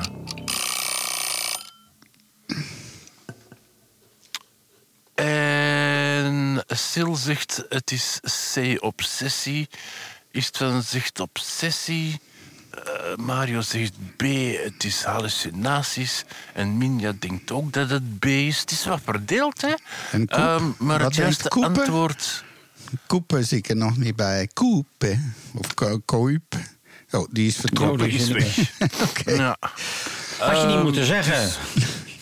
Ja, het is dat, hè. Mensen gaan Oh. lopen dan. Ehm, maar het juiste antwoord is C, obsessie. Dus eh Sil en Istvan hebben een punt. Nou, dat had ik eerst eigenlijk. Ja. Goed. Het is eigenlijk een dwanggedachte. vraag 2. Ben je daardoor Welke geobsedeerd door die vorige vraag trouwens, Mario? Of... Nou ja, een beetje wel. Obsessief ben ik daar wel in geïnteresseerd. Maar het, het zal wel weer een hallucinatie zijn. Ja, of een fantasie. Sorry, ik was Welke even aan het beroemde dagdromen. Ik was filosoof... even aan het dagdromen. Ja, Mag ik? Ja, het is stil. Ga je vooruit. gang. vooruit. Ja, ja dank u wel. Ja. Welke beroemde filosoof staat bekend om zijn gedachte-experiment zoals de gedachte van de getekende gevangene? Geketende gevangene. Ja, ik moet een bril kopen. Dus ik kan het nog eens zeggen. Hè. Welke beroemde filosoof staat bekend om zijn gedachte-experiment zoals de gedachte van de geketende gevangene? Is dat A. Immanuel Kant? Is dat B. Friedrich Nietzsche? Is dat C. Plato? Of is dat D. Soren Kierkegaard? So- Soren Kierkegaard. Oké, dat is een boeiende... Nee, dat is... Oké, het wachtmuziekje. Dus welke beroemde filosoof staat bekend om zijn gedachte-experimenten, zoals de gedachte van de geketende gevangene? Is dat A. Immanuel Kant? Is dat B. Friedrich Nietzsche? Is dat C. Plato? Of is dat D. Soren Kierkegaard? Kierkegaard. Kierkegaard. Ja. Het, eh, Eh, Mario zegt het is B. Friedrich Nietzsche en Sil zegt B. Het is Friedrich Nietzsche en Istvan zegt het is D. Kierkegaarden en Minja zegt D. Het is Soren Kierkegaarden. Het zijn drie verschillende antwoorden. Jammer genoeg zijn het de verkeerde drie antwoorden, want het is C. Plato. Daar moeten we nog even door, over door filosoferen. Maar goed, ga verder. En dan zitten we al aan vraag 3. Wat is de term voor mentale staat van bewustzijn waarbij gedachten afdwalen en niet gefocust zijn op de huidige taak of omgeving? Ik zal hem nog eens zeggen, hè. Wat is de term voor de mentale staat van bewustzijn waarbij gedachten afdwalen en niet gefocust zijn op de huidige taak of omgeving? Is dat A. Meditatie? Is dat B. Hypnose? Is dat C. Dagdromen? Of is dat D. Concentratie? Oei. Ik was even aan het dagdromen. Mijn concentratie vloog de deur uit. Dus nog eens gauw. Ja, dat... eh, Was je onder hypnose misschien? Ja. Wat is de term voor de mentale staat van bewustzijn waarbij gedachten afdwalen en niet gefocust zijn op de huidige taak of omgeving? Is dat A. Meditatie? Is dat B. Hypnose? Is dat C. Dagdromen? Of is dat D. Concentratie? Ja, dat is wat voor Is van, hè? Dat hij wat scherper op die knoppen drukt en zo. Dat hij niet zit te dagdromen. Ja, kom, het moet plezier Ja. zijn. Het is geen militaire operatie. eh. Ach, ik was gewoon aan het dagdromen. ja. En dat is ook het goede antwoord, denk ik. ja. ja, en dat is... Ja, eh, iedereen zegt Ja, C. Iedereen zegt C en dat is het juiste antwoord. Ja, juist. Iedereen een punt. Ik was gewoon aan het dagdromen. Ja, een tijd geleden een boeiend interview met een heel beroemde eh, brain neuroloog, eh, wetenschapster. En die, die hebben dat onderzocht, hoe dat zit met dagdromen. En dat schijnt een essentieel onderdeel. Je bent een speelfilm aan het volgen en ineens zie je een Opel Kadett langsrijden. En meteen springt je hoofd naar die zomer toen je je eerste vriendinnetje leerde kennen. Ja. En, eh, en, en, en, en dat is gewoon een essentieel onderdeel van ons zijn. En terwijl we- en, en, en, en er wordt langs alle kanten gepredikt van focus, focus, niet dagdromen. en Niet, terwijl Ik dat wou juist- het juist zeggen, is het van focus? We zijn bezig met een quiz focus. En dan komen we bij Heel vraag 4. Ja, vraag 4. In welke literaire klassieke, klassieker verklaart Hamlet zijn beroemde monoloog met de woorden to be or not to be? Dat is de question over zijn innerlijke strijd. Dus ik ga hem nog eens zeggen. In welke literaire klassieker verklaart Hamle- Hamlet zijn beroemde monoloog met de woorden to be or not to be? That's the question over zijn innerlijke strijd. Is dat A. Macbeth? Is dat B. Romeo of Julia? Is dat C. Othello? Of is dat D. Hamlet? Omelet. Ham- Hamlet. Ja. Ja. Ja, de vraagstelling To is be or waarschijnlijk not to van? ChatGTP. Want ik, zou, ik, zou, ik zou er nooit bij zeggen wie dat uitsprak. Maar goed, herhaal nog eens de, de vier opties. Ehm, excuseer meneer Istvan, maar jij hebt een jaar gezegd van ja, ik wil meer keuzevragen. Hè? Ja, ja, ik wil meer goed. keuzevragen. Hè? Het was te En- moeilijk en en- nu is het makkelijker en nou is het weer Ja, en, goed. het- ja, is maar nooit goed. in- Nooit in, in, goed. de vraag is in welk stuk zei Hamlet... Hey. Nou ja, goed. Eh, goed. Ja, Ja, als er iemand het Te laat. fout, dan weet ik het ook niet. Ja.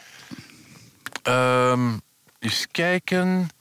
Poem, poem, poem. Mario zegt D, Sil zegt D, Minja zegt Hamlet. En, en D zegt... En de, de, Is zegt D. Het is allemaal juist. Jullie weten dat ja. Dat allemaal... eh, ja, dit was een buitenspelsituatie. ja, het is allemaal fan van, eh, van Shakespeare. Ja, Ja, ja, maar die, en, en de volgende vraag, in, in, in- wanneer zei Freud... eh, nou ja, goed. En we zitten al aan vraag 5. Wat is de term voor het fenomeen waarbij een persoon zijn eigen gedachten beschouwt als afkomstig van buitenaf, zoals bij schizofrenie? Is dat A. depersonali- depersonalisatie? Is dat B. Dissoca... dis- Dissocatie? Disassociatie. Ah, oké, dissociatie. C, hallucinatie of D, paranoia. En om het moeilijk te jagen, om het moeilijker te maken, ga ik het niet meer herhalen. Ja, zou ik ook hebben gezegd in jouw geval. Dus alleen de antwoorden. A was... Ja, eh, ja, ja, ja. wat? Nou, oké. ehm. Nou, ik weet niet meer wat C was, maar... Ja, dat is jammer. Ja, dan ben je, daar ben je niet mee geassocieerd dan, denk ik. Ja. Miep, miep, miep, miep. Dan kom ik op, de... Alright. Mario zegt B, Minja zegt A. Eh, Oh, Koep is weer terug. Je kan nog winnen, denk ik, als je nu mee gaat doen, hè? denk ik. We Dus Istvan zegt het is C, hallucinatie. Eh, Mario zegt het is B. Ja, dat. Disassociatie. B dus, nee, B dus, hè, ja. En Minja zegt het is A. En Sil zegt het is D. En het juiste antwoord is C. Dus Istvan heeft een punt. Oké. Oké. En hij wist niet eens wat C was. Nee.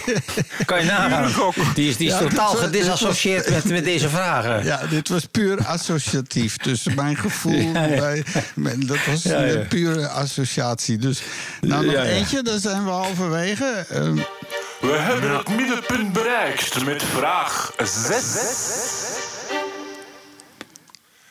Welke psycholoog wordt vaak geassocieerd met de stroom van bewustzijn en het idee van introspectie in de studie van gedachten? Is dat A. B.F. Skinner? Is dat B. William James? Is dat C. Sigmund Freud? Of is dat D. Carl Jung? goh, zware kost. Ja. Nog eens? Welke psycholoog wordt vaak geassocieerd met de stroom van bewustzijn en het idee van introspectie in de studie van gedachten? Ja. A. B.F. Skinner, B. William James, C. Sigmund Freud, D. Carl Jung. Oké, heel goed, heel goed. Je wordt steeds beter. Speedreading, Chris. Even uitblazen. Dit ga ik niet winnen, dit. Eh, de- waar zitten we? Eh, Minja zegt C is de enigste die ik ken. Sil zegt het is D, Carol Jong. Eh, Mario zegt het is C, Sigmund Freud. Uh, Istvan zegt het is D, Carol Jong. En Sil zegt het is D... Karel Jong. Nee, sowieso. Dat, ja, maar dat was nog van de vorige. Dus ik heb ze allemaal gehad. Ja, het is weer een verscheidenheid aan vragen. Eh, Jammer genoeg allemaal de foute antwoorden, want het was B. William James. Oh, nou ja. Echt nooit, Nooit van nooit, gehoord, nooit ja. van gehoord. Maar goed, we gaan eens even kijken hoe de tussenstand Oh, ja. is. Ik moet een drum Ah ja, dat is waar. Er is een tussenstand. Ja, Ehm, ja, raar genoeg, Mario, Minja en Sil hebben eh, allemaal twee eh, juiste antwoorden gehad. En Istvan staat aan de leiding met vier. Vraag me Ja, ik vind het dat niet komt. eerlijk. Ja. Ik vind het niet eerlijk. Ja, maar ja, dat is moeilijk zeg. Dit gaat over allemaal. Dit gaat over psychische afwijkingen. Ja, tuurlijk wint hij. Ah, ja, ja. ja maar eh, ik ben een Ja, ervaren deskundige. Zo heet dat. Oh, Oké. Even kijken hoor. Trouwens, trouwens ehm, eh, hoe- hoeveel procent sta je nu op de zonnige kant, Mario? Op de zonnige kant? eh, nou, ik, nou, het is geen flauw idee eigenlijk. Hoe bedoel je, de zonnige kant? Gevoels, gevoelsmatig. Ja, je ik zat zit, eh, was je eerst. Ja, ik zit al halverwege. Oké. Ah, 50 procent. Oké, Ja. dan zijn we... we- Ja, dat is goed. Dan heb je je, Dat is wel pro- goed. je, dagelijkse Prozac heb je dan misschien niet nodig, hè? Zou zomaar kunnen. Absolutely. Wie zal het En zeggen? jawel hoor, hier komt vraag 7. Welke term wordt gebruikt om de filosofische stroming te beschrijven die beweert dat alle kennis voorkomt uit ervaring en waarneming? Hmm. Is dat A. Empiris, empirisme. Empirisme. Ja, ja. dat is A dus. Hè? empirisch, Eh, ja. B. Ja, Empirisme. B. B. Rationalisme. Eh, C. Idealisme. Of D.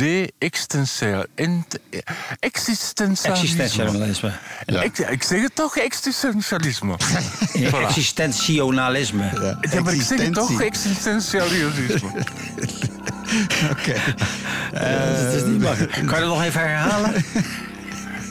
De-existentialisme. Welke term wordt gebruikt om Ja, de filosofische stroming te beschrijven die beweert dat alle kennis voorkomt uit ervaring of waarneming? Is dat A. Empiricisme? Is dat B. Rationalisme? Is dat C. Idealisme? Of is dat D. Existentialisme? Ja. Nou. Willy Ja, het zal Curious. wel. eh, Sil zegt A. Maar, eh, oh, ze zeggen allemaal A. Ja, en jij zegt het D omdat jij mij nog wil horen zeggen existentialisme. Existentialisme. ja, wel, ik zeg het toch, existentialisme. Ehm, Mario zegt... Het bestaansisme. Het, het is fout. Het, het is geen D. Laten we het daarop houden. Eh, Mario zegt A, Sil zegt A, Minja denkt dat het A is.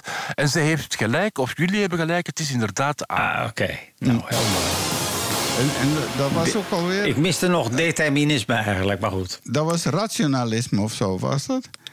Empirisme. Empirisme. Nee, ah ja, van empirisch empirisme. bewijs. Empirisch. Ja, Het, is, zo. het, is, Ja. het was niet e- existentialisme, het was empirisme. Ja, Ja, ja, is goed. En dan maken we plaats voor vraag 8. Wat is eh, het Latijnse woord voor ik denk, dus ik ben? Ah, ja. Dat een fundamenteel concept in de filosofie vertegenwoordigt. Is dat A. Carpe diem? Is dat B. Cogitio ergo sum? Is dat C. Veni vidi vinci? Of is dat eh, eh, E? A, B, C, D? D zou dat moeten zijn. Ah ja, D. Nee, die E moet... Ja, ja. Of is dat D. E pluribus unum? Oké. Dus eh, ik denk, eh, dus ik ben, is dat A, Carpe Diem, en waar is het eh, wachtmuziekje? Is Ja, dat? ja, Voilà, ja. kijk. Is dat A, Carpe Diem? Is dat B, Cogito ergo sum? Is dat C, Veni vidi vinci? Of is dat E, pluribus unum? Nee, is dat D, E, e pluribus unum? Neem ik het, mijn D staat verkeerd, dat is daarom. Maar B is toch van... eh, Cogito ergo sum. ja, ja, ja. Ja, ja, ja, ja. Nou, wie heeft er nog een beetje Latijn? Want iedereen kent wel een beetje Latijn. Latijnse Ja. cijfers en zo. Ik denk dus ik ben... Ja. Is het van zegt het is B, Corgio ergo sum? Eh, Cogito ergo sum, dat zeg ik. Ja. Cogito Ja, dat- ergo sum. Ik denk Ja. dus ik besta. Ja. Ja, dat zeg ik dus. Hè. Dus Mario denkt ook B. eh Minja denkt B, Sil denkt B. En het was inderdaad eh, B, dus iedereen een punt. Mhm. Latijn. Zijn we al zover? Hier komt vraag 9. Vraag 9. Welke term wordt gebruikt om de onverwachte oplossing van een probleem te beschrijven die plotseling in iemands gedachten opkomt? Is iedereen mee? Nog een keer, om de... Welke term wordt gebruikt om de onverwachte oplossing van een probleem te beschrijven die plotseling in iemands gedachten Ah, opkomt? Is dat A. Epifanie? Is dat B. Paradox? Is dat C. Dilemma? Of is dat D. Conclusie? Mm, boeiend, eh, ja. Ja. Maar ik, ik, heb, ik heb er nu zo een. Terwijl Ja, we er maar mee bezig maar dat- zijn, dat- heb maar ik er een. Ja, maar dat, dat noemen ze anders. Dat is in dit geval is dat filosofibine. Ja, daar zeg je wat. Maar dat is tegenwoordig medicinaal, hè? Dat is eh, Ja, oké. dat gewoon medicijn. Ja, ze behandelen depressie en nog wat dingen met pilo. Eh, Oké, antwoordje geven. Hoppakee, braaf zijn, iets Eh, van. Mario zegt het is A. Ehm Sil zegt het is A. Istvan zegt het is A. En Minja zegt het is A. En ik zeg ook het is A. Iedereen een punt. Kijk eens. Ja, dus een epifanie heb ik ook van... eh, ja, dat ik eigenlijk geweldig goed bezig ben. Dat is. Een, een inzicht. Het, eh, Nee, nee. In dat- tegenstelling dat, was B, een paradox. dat was, voor jou is dat B een paradox, voor ons is dat C een dilemma. Oké. En aan 9 komt vraag 10. In de psychologie verwijst de term cognitieve dis- dissonatie, dissonatie? Dissonatie. Disassociatie. Dissonantie. Dissonantie. Ja. Oké. Dissonantie. Ja, ja, ik zeg het toch, in de psycho- psychologie. Op den duur wordt het woord in al moeilijk. In de psychologie verwijst de term cognitieve dissonantie naar a. een conflict tussen bewust en onbewuste gedachten, b. ongename spanning veroorzaakt door tegenstrijdige overtuiging, C. Stoornis in het geheugenproces. Of D. Het onvermogen om gedachten te organiseren. Zijn dat allemaal niet dingen dat Ist van heeft, een beetje? Ja, hij gaat deze quiz ook winnen. Ja, dat is niet zo moeilijk. Ja.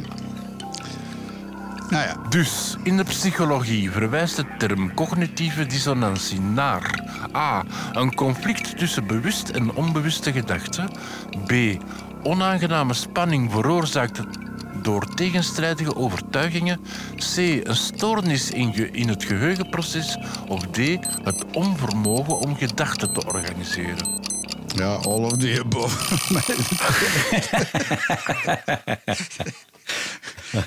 dan, ben- je weer mens, volgens mij. Nou, we, wachten af met, eh, we wachten af wat de hele meute zegt. Istvan zegt het is A, en Mario zegt het is B, Sil zegt het is A en Minja zegt het is B. Dus het is A, B, A, B. En het antwoord is B.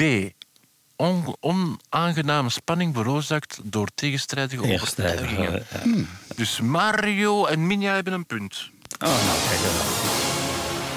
Eh, Oké. eh, En aan 9 komt vraag 10. Ja, en, en je hebt twee vragen, dus nu moet je het wel maken. Want eh Istvan, Mario en Minja staan gelijk met zes punten aan de leiding. Oeh, spannend. Ja, heel spannend. Wat wil zeggen dat als jullie nu de volgende twee vragen fout hebben en Sil juist, dan wint, dan wint zij nog. Dus het kan alle kanten uit. Alle kanten. Maar vraag 11. Welk boek geschreven door Dale Eh, Carnegie? tien, vraag 10. Ehm, Ja hoor. We hebben net vraag Dan zal 9 ik- gehad. En eh, nu Ik komt heb nog zei maar nog. Twee, twee vragen. Heb je weer eh, dissociatieve eh, gedachten, Oh, Oké, dan maken we de vraag 11 van. Ja, ja. Nou, oké. Vraag 11. Nee, nee, Cecil zegt dat het inderdaad eh, vraag 11 Oh, is. Dus oh, kijk ik heb. Hè. Nou, dan is de, ja. de chatroom eh, nog nut, zeg. Dankjewel. Ja, sowieso, hè. Maar zwart. Vraag 11. Welk boek geschreven door Dale Carnegie richt zich op het beïnvloeden van anderen door het begrip van gedachten en gevoelens? Is dat A. How to win friends and influence people? Is dat B. The power of now? Is dat C. Thinking fast and slow? Of is dat D. The seven habits of highly effective people? Nou ja, poeh. Ja, ik geloof niet dat, eh, dat er ook maar iemand is eh, van ons gezelschap die die boeken gelezen heeft. Alhoewel, als je tegenwoordig een boekenwinkel ingaat... ik denk een kwart van die boeken over leefstijl, lifestyle... en zelf dit en zelf dat en zelfhulp. Dus een enorm industrie. M- Maar nu is het vooral over het Ja. beïnvloeden hè, van mensen. Ja, ja. Ja, beïnvloeden. Ja. ja. NLP, Neuro-Linguistic Programming. Zo. ja, een gokje. Een gokje. Ehm, Mario zegt, of gokt B. Istvan zegt D. Sil zegt D. En Minja is... Wat was de vraag? Ja, dat is een beetje te laat, hè. Minja, sorry. ja, ehm, het antwoord was... ehm, er niet bij. Het was A. En niemand heeft dat juist. Dus we Juist. blijven gewoon staan waar dat we waren. Oké, nou... dan gaan Nou, we de laatste vraag. Ja, je had een telefoontje. Oh, ja, ja, natuurlijk. Ja, oké. ja, oké. Ja, die- nou, die moet je De volgende keer een andere vraag verzinnen. vandaag. Vraag 12. Wat is de naam van de psychologische bias waarbij mensen geneigd zijn informatie te interpreteren op een manier die hun bestaande opvattingen ondersteunt? Oh ja, dat, dat noemen ze politiek. Chat-GTP, hè? Dat is Chat-GTP. Ja. Is dat A. Confirmation bias? Is dat B. availability bias? Is het C, anchoring bias? Of is het D, hands, hindsight bias? Hindsight. Dus, ja, hands, ik zeg het toch, hè? Hindsight? Ja, Ehm, hindsight, dat is hand. nee, wacht, Hind. muziekje. maar Is het van... Oké. Wacht, muziekje. Dus wat is de naam van de psychologische bias waarbij mensen geneigd zijn informatie te interpreteren op een manier die hun bestaande opvattingen ondersteunt? En Minja zal denken, amai, is dat Vlaams? Nee, nee, dat zijn Engelse termen, eh, voor alle zekerheid. Dus is dat A, confirmation bias? Is dat B, availability bias? Is dat C, anchoring bias?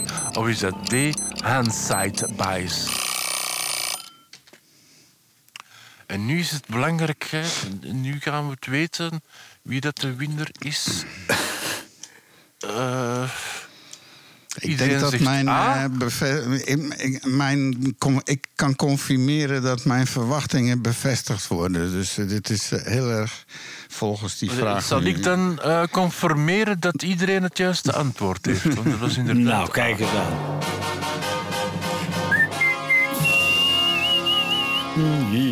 Ja.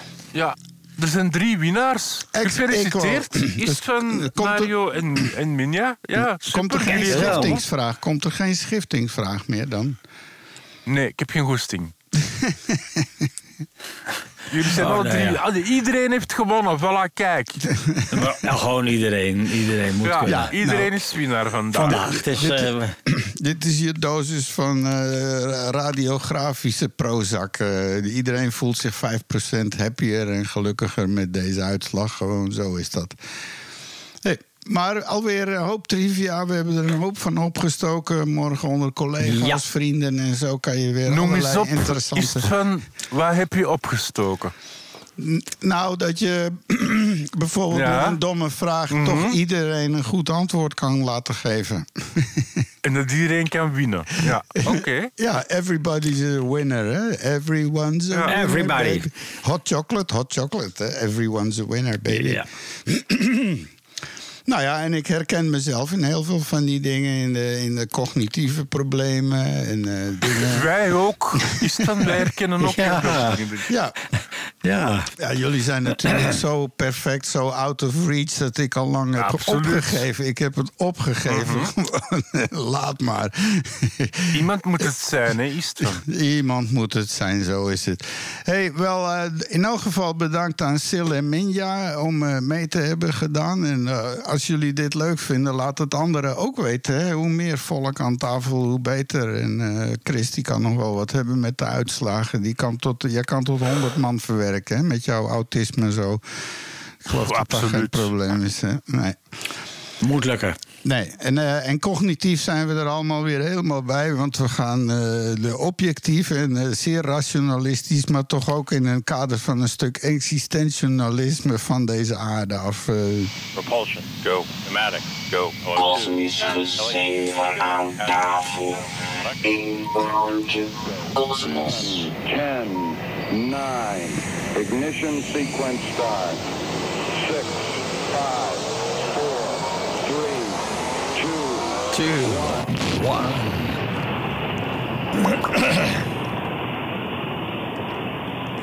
plap, plap. Goodie. We zijn vertrokken voor Space. Eh, ik wil eens even wat laten horen. Dat is een clipje. Ik, ik- er was een, eh, een boeiende podcast van eh, SETI. Dat is een organisatie, The Search for Extraterrestrial, Extraterrestrial Intelligence. Die zijn al jaren, Ja. jaren bezig. Die schotels en die doen best goed werk. maar die eh, man, eh Seth Shostak en zijn, eh, zijn partner... die maken al eh, jarenlang podcasts. de Big Science en zo. Je moet dat volgen. Ik zet trouwens de link. hè. Alles komt in de praattafel.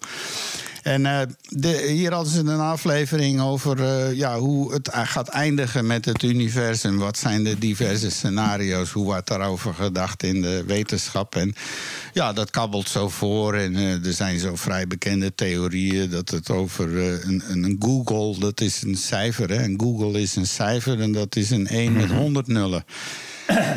Ja. Dus daar is Google op, eh, die hebben hun naam daarop gebaseerd. Maar Google is dat getal en Google is eh, nou ja, de website die we allemaal kennen. Maar, en dat over zoveel jaren eigenlijk alles gewoon helemaal weg. De atomen, alles is uit elkaar. Het is één grijze wolk van niks met een klein beetje restwarmte enzovoort. Dus allemaal heel erg eh, niet zo Ja, fantasierijk. je hebt een aantal. Nou, je hebt een, een- de drie gangbare theorieën altijd gehad. Dat is de Big Crunch, de Big Ripple en de Big Nothing. Ja. En met de Big Crunch bedoelen ze dat alles weer terug in elkaar stort. Ja. De Big Ripple is dat alles uit elkaar gescheurd wordt. En de Big Nothing is, is dat alles uiteindelijk blijft uitdijden. En alles gaat. eh, De, sterren, de laatste sterren die, die zijn opgebrand en er is niets meer. Ja, precies. En dan, eh, ja, dan eindigt het gewoon in eh, de, alle moleculen vallen helemaal uit elkaar tot hun bouwstenen. En het wordt één grijze wolk met alleen. Maar. eh, het kan zomaar eens heel anders lopen. ik zal een klein stukje laten horen. Het is een wetenschapster van MIT, geloof ik. in ieder geval heel hoog op. Ik zet de juiste link al in de show notes op de praattafel. Maar dit is wel een boeiend verhaal, denk ik. You're listening to an airwave me. Eh, oh nee, zachter. de verkeerde clip. Ja, ja daar komt hij. Oh, ik zal de fader iets omlaag halen. And we have some reason to believe that maybe our vacuumed state is not entirely stable, which means that there's a possibility that the laws of physics could suddenly change. The way it would happen is that there would be a sudden sort of quantum transition somewhere in space in the Higgs field, and it would create this bubble of a different kind of space, something we call a true vacuum. So a, a, a totally different vacuum state where the laws of physics are different, and that bubble would expand out through the universe at about the speed of light and just destroy everything. But you would never see uh, a bubble coming because by the time you see it, it's it's it's on top of you. Dus in een flits, in minder dan een nanoseconde. eh, eh, we weten niet eens wat er eh, ge- gebeurd Maar is. ze, Of zo. ze, ze Dus- zegt wel dat, dat dan op, op dat moment ook de wetten van de natuurkunde fundamenteel veranderen.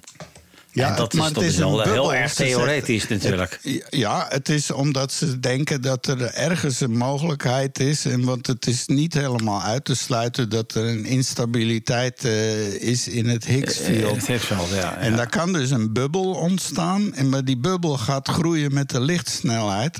Alleen je ziet die Ja. bubbel niet aankomen. En als Ja. die bubbel tegen die tijd dat er bij jou is, dan, eh, ja, dan, dan je weet het niet. Je ziet niks aankomen en er is ook geen na-ervaring. Er is, Het licht gaat gewoon uit. Ja. Ja. het, is gewoon, het stopt gewoon allemaal. Dus ja, dat, dat- dat is Ja. ook wel een boeiende. Maar ja, dat is het interessante van die kwantummechanica. Dat er nog allerlei mogelijkheden zijn in de, in de uithoeken van de. Hè? Nou ja, zeker. Tuurlijk. Er is, eh, er is nog veel wat niet begrepen wordt. Dus ja, het is interessant. Er zijn heel veel interessante theorieën. En wie weet eh, wordt het ook ooit eens duidelijk. Hè? De grote unificatietheorie die alles verklaart. Ja, Zou wel spannend zijn. Want er was iets ook van eh, een mond-theorie. dat was een variatie op eh, Newtonian dynamics of zo. En daar zijn ze nu ook mee bezig. Want met die James Webb, wat die allemaal uitvindt, die morrelt zelfs aan de. de- de- dus dus eh, ja, er wordt van alle kanten nu eh, gemorreld aan. eh, aan, aan ja, aan, aan Nou ja, er wordt wel veel. Er zijn best wel veel dingetjes die inderdaad niet kloppen met wat men tot nu toe weet over het, eh, eh, over zeg maar eh, de, de, de kosmos en alles eigenlijk. Er zijn nog steeds anomalieën die, die opduiken en dat is alleen maar leuk. En dan blijkt er toch net weer even iets anders te zitten en dat is, daarom is het ook een spannende tijd. Zeker. Ik heb het ook, ik, ik heb het ook vermeld met die eh, astronomen die nu een planeet hebben ontdekt die eigenlijk niet zou moeten bestaan. En dat is ook weer zoiets, want een zonnestelsel wordt over het algemeen opgebouwd volgens een bepaald mathematisch eh, principe, eh, fysisch principe moet ik Ja, eigenlijk zeggen.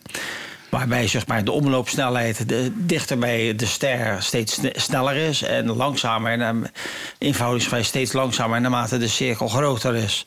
En je hebt ook een, logische verdeling van rotsplaneten, gasplaneten en ijsplaneten.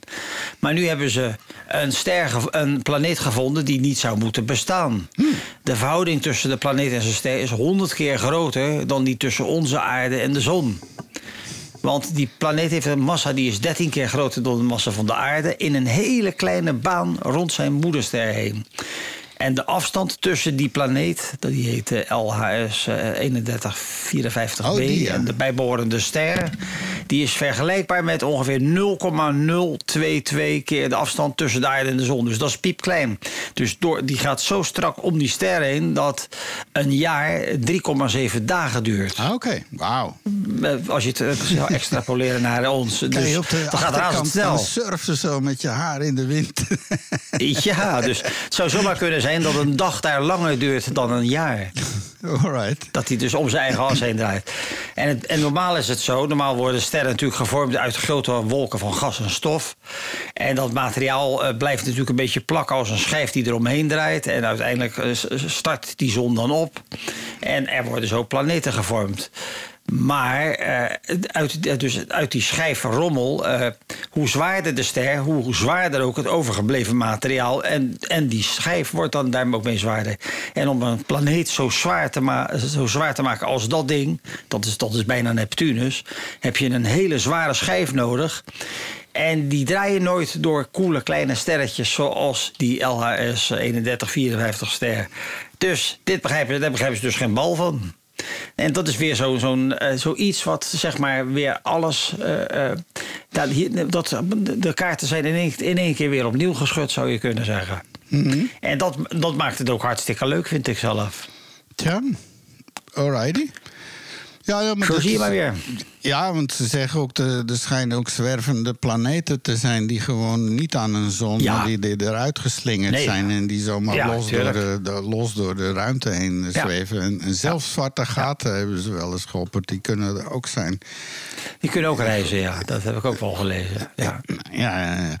Hey, eh, ja, dan nog een beetje wat interessanter is nu een serieuze poging van een firma in Engeland. eh, die partners zijn met ESA en alles om een soort eh, tankstation in de ruimte te ontwikkelen. Waar ze satellieten. Want het probleem is, satellieten zijn vaak goed, maar ze hebben altijd een beetje brandstof nodig om, om de koersen te corrigeren. Het is niet zo dat die zomaar. en, en vaak Nee. wordt, raken ze dan in onbruik alleen maar doordat ze geen brandstof meer hebben. En nu is er een bedrijf ja, en die willen een systeem ontwikkelen. En dan ook met, eh, met eh, gestandaardiseerde inputs. eh, Dus dat ze in de ruimte kunnen ze. En ze kunnen voor. eh, ik bedoel, ik dacht dat het was 1 gallon hydrazine. Dat is al heel veel. Kunnen ze afleveren Ah, voor hydrazine, 2 miljoen dollar. dat is wel, Ja. een, du- wel een dure tankbeurt, maar ja. Zeker. Maar zo'n satelliet kost vaak 100 miljoen. Dus de- nu gaan ze één, eh, een NAVSat, een hele grote, of ik weet niet, ik ben even welke kwijt, maar een hele grote satelliet gaan ze nu als proef. Landsat 7. Ja. Ja, eh, want dat is een enorm ding en die, eh, die zijn nog hartstikke bruikbaar, alleen die zit ook zonder prut. Dus die gaan ze proberen nu te, te vol te tanken. Alleen daar is de uitdaging een beetje extra hoog, want ze moeten nu echt een, het ding gaan verbouwen daar in de ruimte. Dus ze moeten gaan snijden in de buitenkant en dan moeten ze Ja, een de bepaalde doorzagen en daar een leiding aan bevestigen en zo. Dit wordt de uitdaging van de eeuw. Super boeiend. Dat gaat heel spannend worden. Ja. Ja, ik vind dat fascinerend en ook hard nodig. Want het, er drijft zoveel rotzooi inmiddels die gewoon eh, eh, eigenlijk gewoon eh, waar we niets aan hebben, omdat gewoon de brandstof op is. En het wordt gewoon vol. Dus het zou Nee. fijn zijn als dat alleen ja, die Hydra zijn, dat is wel een prutje. Dat gebruiken ze ook eh, bij de, bij de eh, luchtvaart in Nederland, bij, eh, de, in, bij Defensie. Eh, onze F, F, nou, F-35 heeft dat ook. Dat hebben alle eh, jets. Die hebben een eh, 10 kilo Hydra zijn gemiddeld aan boord. Dat als alles uitvalt, dan kunnen ze nog, eh, kunnen ze nog echt op die Hydra zijn alles doen gedurende eh, 20 minuten of zo. Ah ja. Dus dat is, maar dat is dus, dus meer tuig dan dat is er niet. En dat moet je echt met een, eh, dat moet je heel, eh, dat is, ah, dat is dusdanig gevaarlijk dat je dat eigenlijk bijna niet kan eh handelen. Nee, nee. Ja. Ja, het, het wordt alleen gebruikt in die kleine stuurraketjes, hè, zo, eh, om, om dingen te eh, stabiliseren en zo. Die, die worden met hydrazine Eh, Ja. Maar ja, dus, en wat eraan eh, ronddrijft, dus de, de, wij hebben gezamenlijk tot nu toe ongeveer 15.000 satellieten omhoog geschoten. En ongeveer de helft daarvan die, die zit daar nog boven. En ze zijn niet allemaal meer functionerend. Maar, achter, maar dan volgen ze nog verder eh 36.500 objecten die groter zijn dan 10 centimeter. Want er zijn een aantal van die dingen uit elkaar gevallen en tegen elkaar Ja. geploft. En dan zijn er een 130 miljoen fragmenten die ongeveer een centimeter groot zijn. En je denkt, nou ja, een centimeter groot. Maar, Ja, maar als die dus tegen jouw richting in, want alles draait rond met de snelheid van 7 kilometer per seconde is dat. Dat is eh, 27.000 nog wat per uur. Maar dat is 7 kilometer per seconde. En dus de energie van zo'n boutje. Ja, eh, natuurlijk. Dat gaat dwars door je huis heen. En dat, dat, dat is, Nou, je hebt zo'n film, hè, Gravity, die Ja. hebben we misschien allemaal wel gezien. Dat, is, dat laat een beetje zien wat er dan kan gebeuren. Ja, echt Hollywoody is die dan wel. Als en, wel zo'n broek zakt af einde altijd wel weer. Ook met die Marsfilm, de Martian. En dan is het allemaal heel spannend, heel wetenschappelijk. Maar dan komt die reddingsoperatie en dan wordt het weer James Bond. Ja, ja nou ja. Ja, Dat is Hollywood. eh, dan, Hollywood. dan wordt het Ja. echt zo in de schrijverskamer van... nou jongens... eh, Nu moeten we even een happy end. eh, ja, en het heeft niks meer met wetenschap. En al die wetenschappers gooien we eruit. Het wordt nu Hollywood. ja. Eh, dus, Ja. hey, maar we moeten gauw door, want we hebben nog andere dingen te doen. Dus we moeten heel, heel, snel terug naar de aarde, Mario. Want eh, we worden geroepen. Favoriete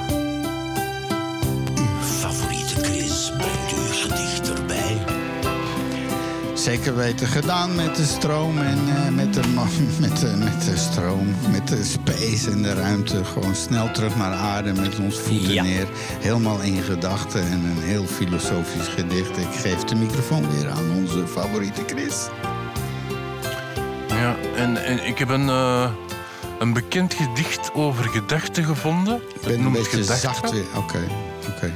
Ja, ben ik, maar ik ben altijd zacht. Ik heb een heel grote knuffelfactor naar het schijnt. Ja.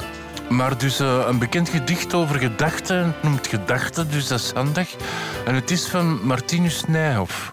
eh, een Nederlandse dichter. En het wordt zoals altijd ongelooflijk mooi begeleid eh, door Mario uit Rotterdam.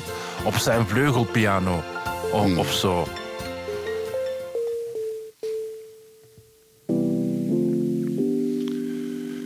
Droomde dat ik langzaam leefde. Langzamer dan de oudste steen. Het was verschrikkelijk. Om me heen schoot alles op, schokte of beefde, wat stil lijkt. Ik zag de drang waarmee de bomen zich uit de aarde wrongen, terwijl ze hees en horten zongen, terwijl de jaargetijden vlogen, verkleurend als regenbogen. Ik zag de tremor van de zee zich uitbreiden over het wand. De koude kringen in het kant van het stille water, tot ik meende zelfs te bestaan. Ik voelde een schok die mijn adem bijna krook.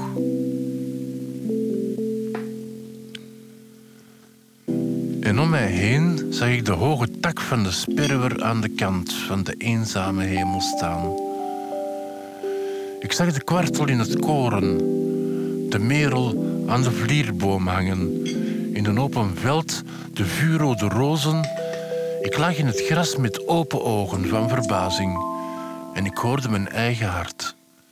En alles, alles wat ademt, alles wat ik ooit aanriep, en zelfs het stervend licht van deze avond viel mij aan met zoete vleugelslagen met zoete vleugelslagen. Radio Centraal. Ongehoord. Ongehoord. Onge- Ongehoord. Ongehoord.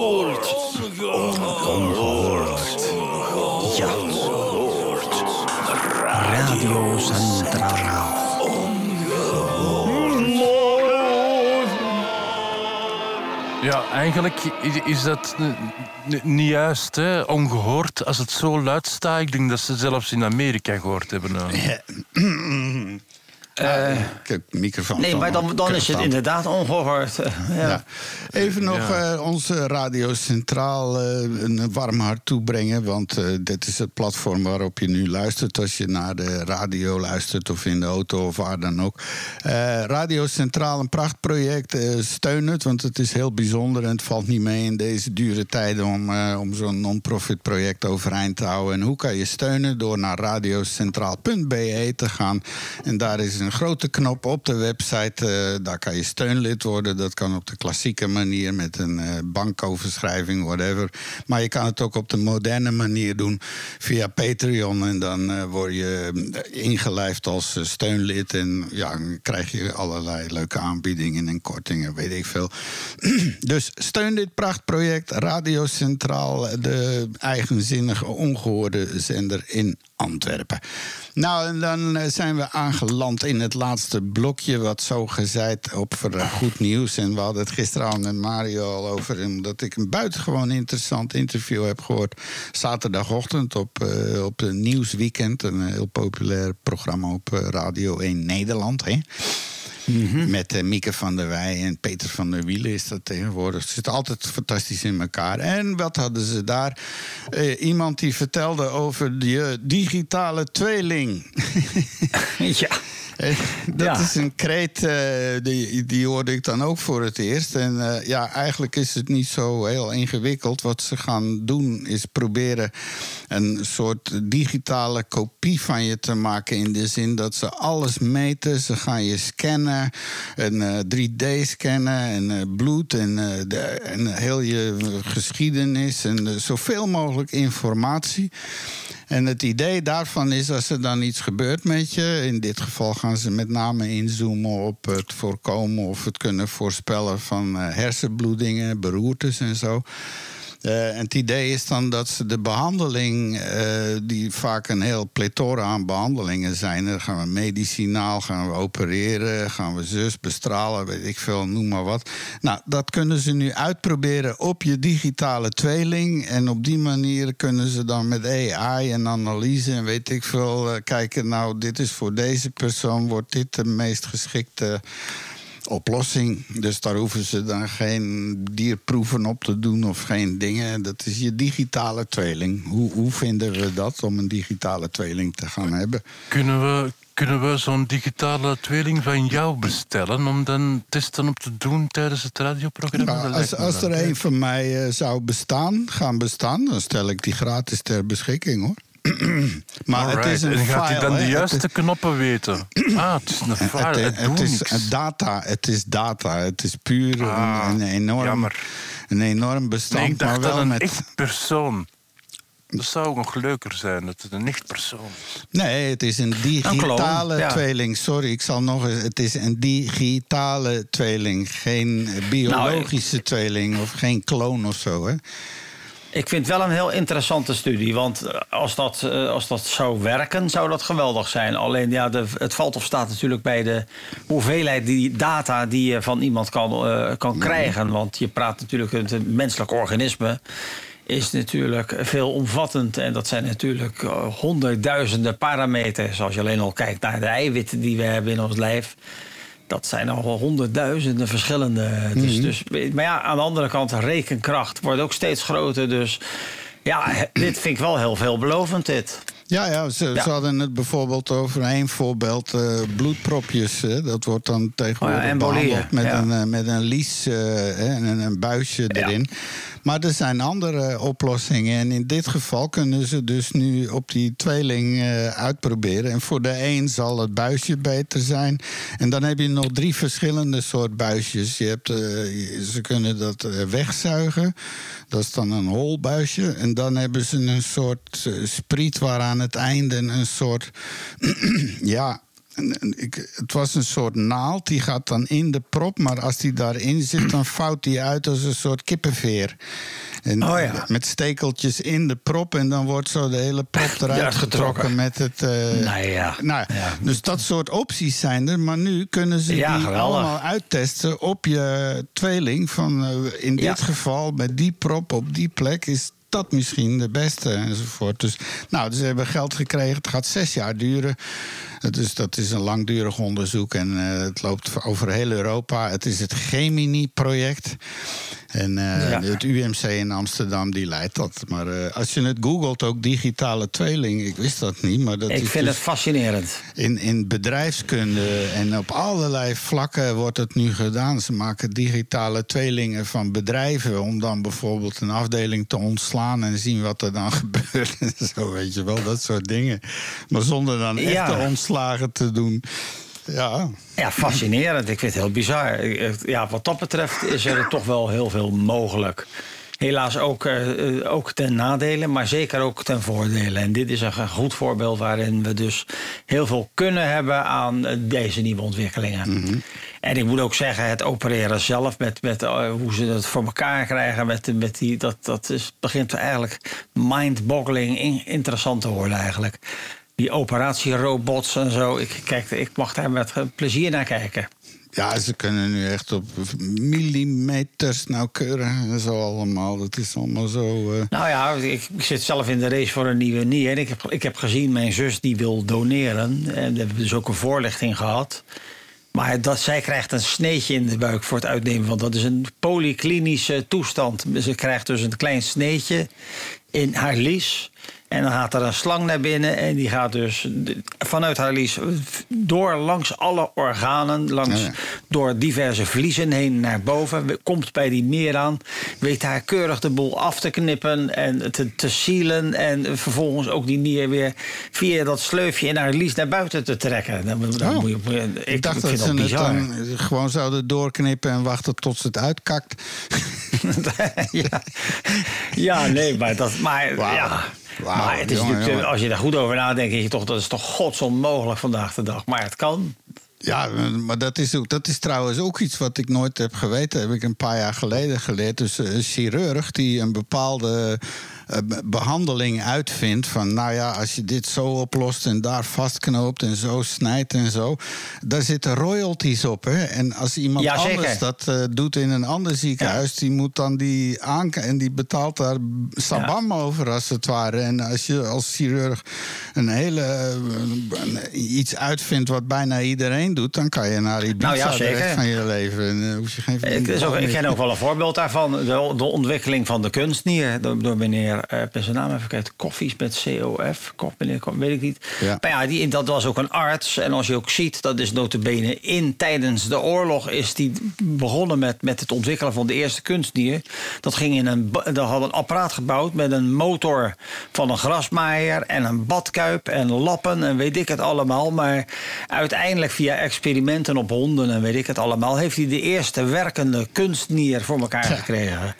En als je dat ziet, dat apparaat, dat, dat, dat- dus het bloed wordt door, door, allerlei lappen heen geperst... en met diverse maasweten.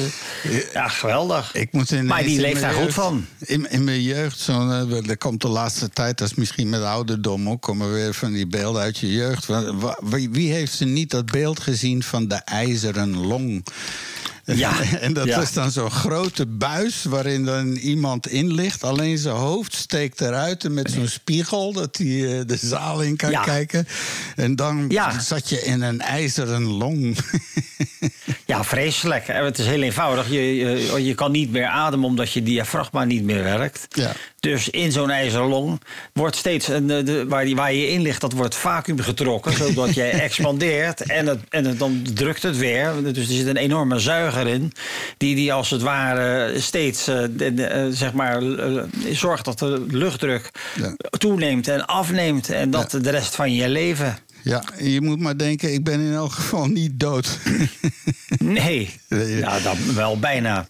Nou ja, je hebt die, eh, die, die acteur die Superman speelde... die heeft toch een dwarslezing door opgelopen. Een Ja. hoge dwarslezing. Ja.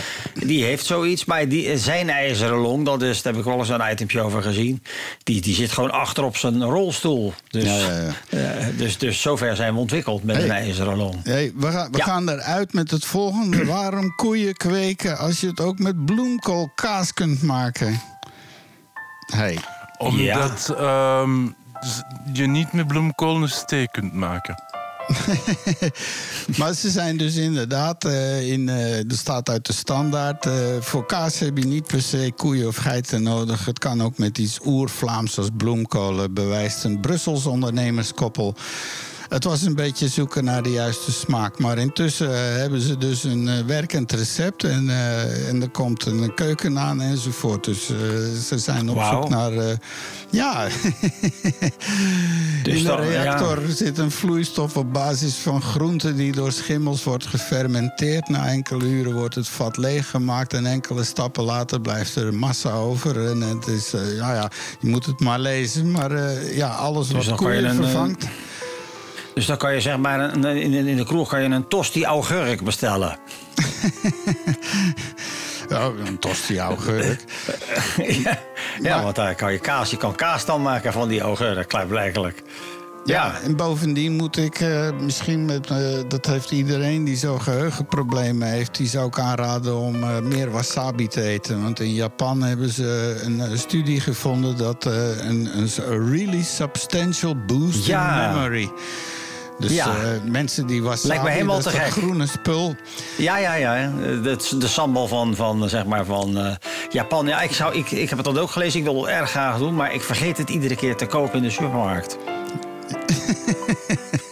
Ja, Ja. Een kat, misschien moet je net als die vis met zo'n lampje voor je... dat je iets maakt dat dat groene ding zo voor je... eh, Oh, ja. Bengel. Maar, eh, maar er zit in elk geval een biochemische substantie in... genaamd 6-MSITC, known as een antioxidant en op, top, top. Dus hoe meer wasabi je eet, hoe beter dat voor je geheugen is. En ze hebben echt een opmerkelijk eh, resultaat gevonden, mensen. Nou, als dat geen goed nieuws is... Ja. Hey. Ja, nee, dat is zeker goed nieuws. Daar moeten we mee eindigen. Het rondje afscheid nemen voor de, deze keer van de luisteraar op deze twaalfde van de twaalfde. In eh, 23, dat jaar wat we ook weer niet willen onthouden. Het, het, het was zo'n hoop na 22 met die oorlog. Dat we een, een fijn jaar. maar oorlogen. Het is weer Ja, niet gelukt, denk ik. Het lukt niet. Het lukt Nee. niet. We komen niet van die covid-rotzooi af. Zo. Het blijft iets hangen.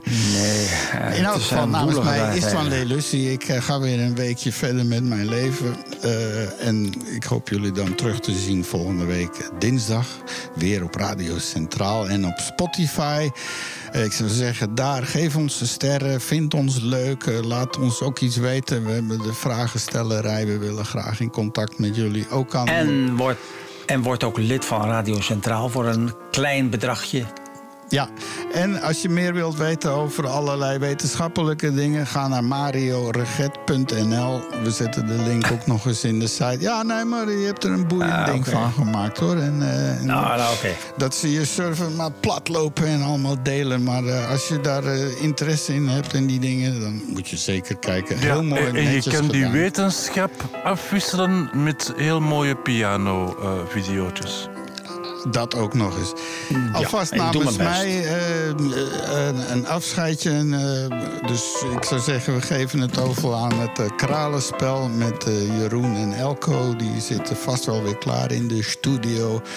Om wat sounds en muzieken enzovoort op u los te laten. Ik zou zeggen, dat wordt genieten, maar zonder al te veel gepraat.